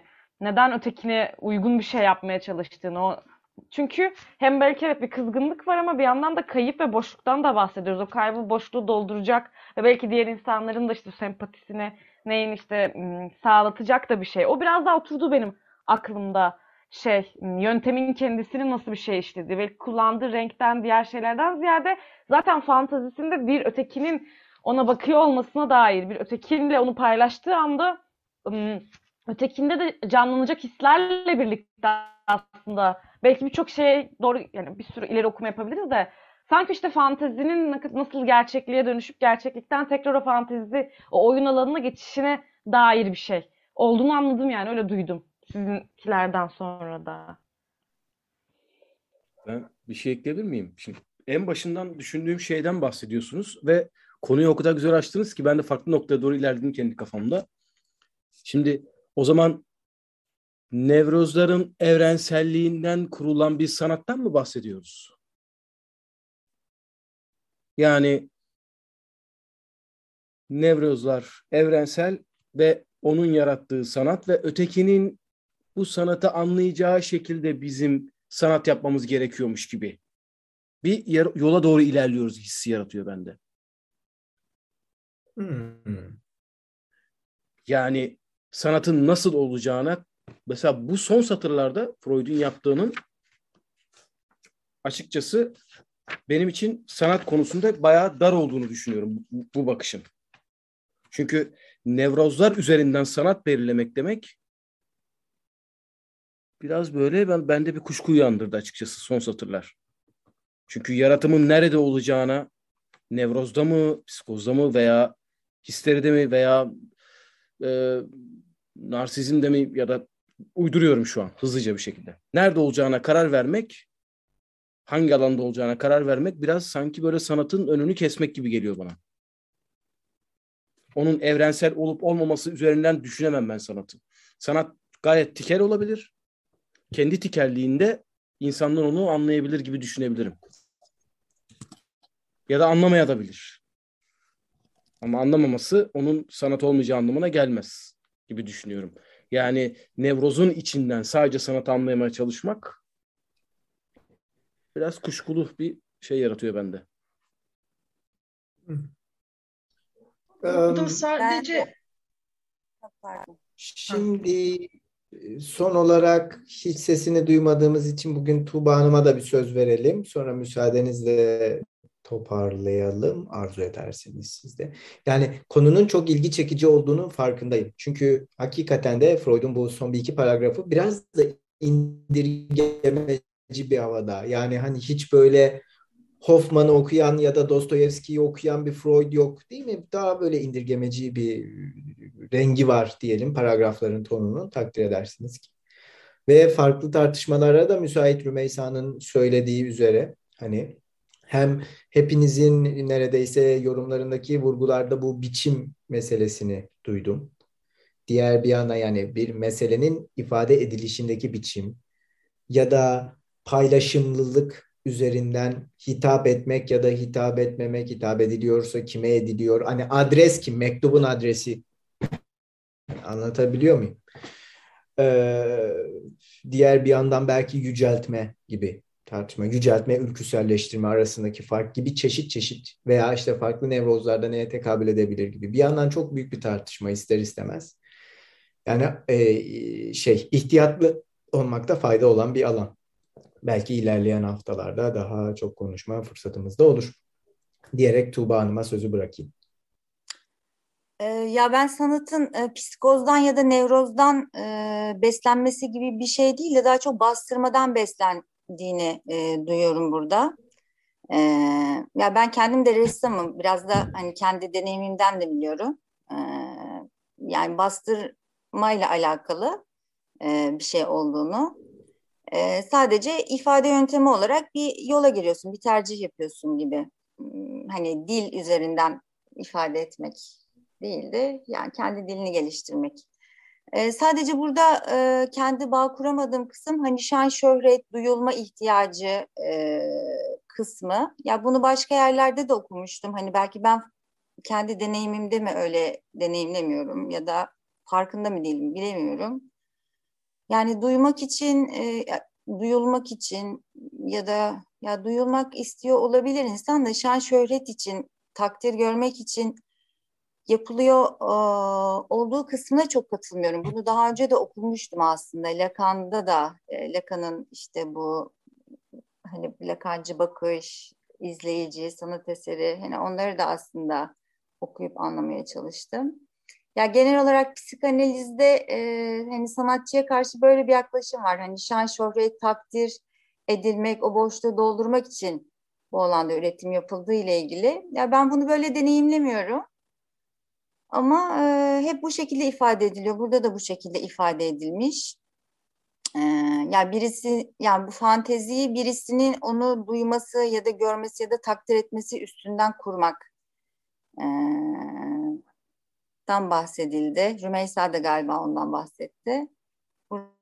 Burada da böyle bir şeyden ifade, böyle bir şey ifade ediliyor. Yani bu, bu kısma katılmıyorum ama e, genel olarak sanatın bastırmadan beslendiği e, kısmı benim deneyimim de o şekilde. Hmm. Ya alınan haz da aslında keyif verici bir haz değildi. Daha çok ya bastırmayla bağ kurduğun için biraz daha travmatik bir e, yani neden haz aldığını insan anlamıyor aslında. e, biraz sarsıcı bir deneyim oluyor sanatsal üretim. E, çukur gibi yani. E, bir şekilde girdap içine girip çıkamıyorsun ama e, ya bir şekilde de ifade etme ihtiyacı var. E, yani garip bir has, hassız bir haz olduğunu söylemek istedim sadece. Hassız bir haz çok güzel bir ifadeydi ve bunu birinci elden deneyimleyen birisini duymak da yine aynı şekilde çok kıymetliydi. O yüzden ben kendi adıma çok teşekkür ederim. Yani hiç böyle bir deneyimim yok, buna yaklaşabilecek bir deneyimim ya da üretimim de yok. Bunun da Freud'un sanat üzerine en parlak satırları olmadığı çok açık burada okuduğumuz şeyin. Yani hakkını verelim tabii daha parlak, daha iyi ifadelerde bulunduğu ya da daha iyi çıkarımlarda bulunduğu yerler var ama burası nispeten daha zayıf. En azından aklıma şey geliyor. Uygarlığın huzursuzluğunun ilk bölümleri değil mi? Orada Freud diyor ki sanatçının içerisindeki bu duygu, okyanusvari duygu bende yok. Ben bende yok. Ben böyle görmüyorum. Ben bunu böyle deneyimlemiyorum ve bu şekilde okumuyorum diyor aslında. Ee, ama diğer bir yandan bu şu demek. Ben böyle deneyimlemiyorum ama bu o yoktur demek değil diyerek önümüzdeki muhtemel tartışmalara da nasıl dokunabileceğini çeşitli şekillerde konuştuğumuzu düşünerek müsaadenizle bugünkü oturumu sonlandırıyorum. 26 ee, Ocak tarihli psikanalize giriş konferansları atölyemize e, katkılarınız ve sabrınız için çok teşekkür ederiz. 23. Ee, konferansı tamamlamış olduk. Önümüzdeki hafta çarşamba günü her zamanki gibi 9'da yine bir araya geldiğimizde 24. konferansa yaygın nevrotik durum payelde çevirisi. Orada başlığını kapattım maalesef göremeyeceğim. Yaygın nevrotik durum başlıklı 24. konferansı çalışmak üzere bir araya geleceğiz. Hepiniz için uygunsa herhalde e, Mayıs-Haziran aylarından beri hiçbir oturumumuzda fotoğraf çekmemiştik. İsteyenlerin dahil olduğu bir fotoğraf çekelim ve bu konferansı e, hem kaydını alıyoruz zaten. Bu hatıralarımız halka arz edilmiş durumda ama e, görsel bir şekilde de desteklenmiş olmaları belki bu oturumluk güzel olur. Kayıttan sonra halledebiliriz. Dinleyenlere de e, telefonlarından ya da cihazlarından e, teşekkür ederiz destekleri ve katkıları için. Önümüzdeki hafta görüşmek üzere. İyi akşamlar diliyorum herkese. İyi akşamlar. E, son bir şey söylemek istiyorum e, izninizle. Yani bu, böyle bir oturumun kapanışı olarak Nietzsche'nin bir sözünü söylemek istiyorum sanatla ilgili. E, Nietzsche e, gerçeği yok etmemek için sanata ihtiyacımız var demiş. Teşekkür ederim. Bu kadar çok kısa. Teşekkür ederiz. İyi akşamlar. İyi akşamlar yeniden.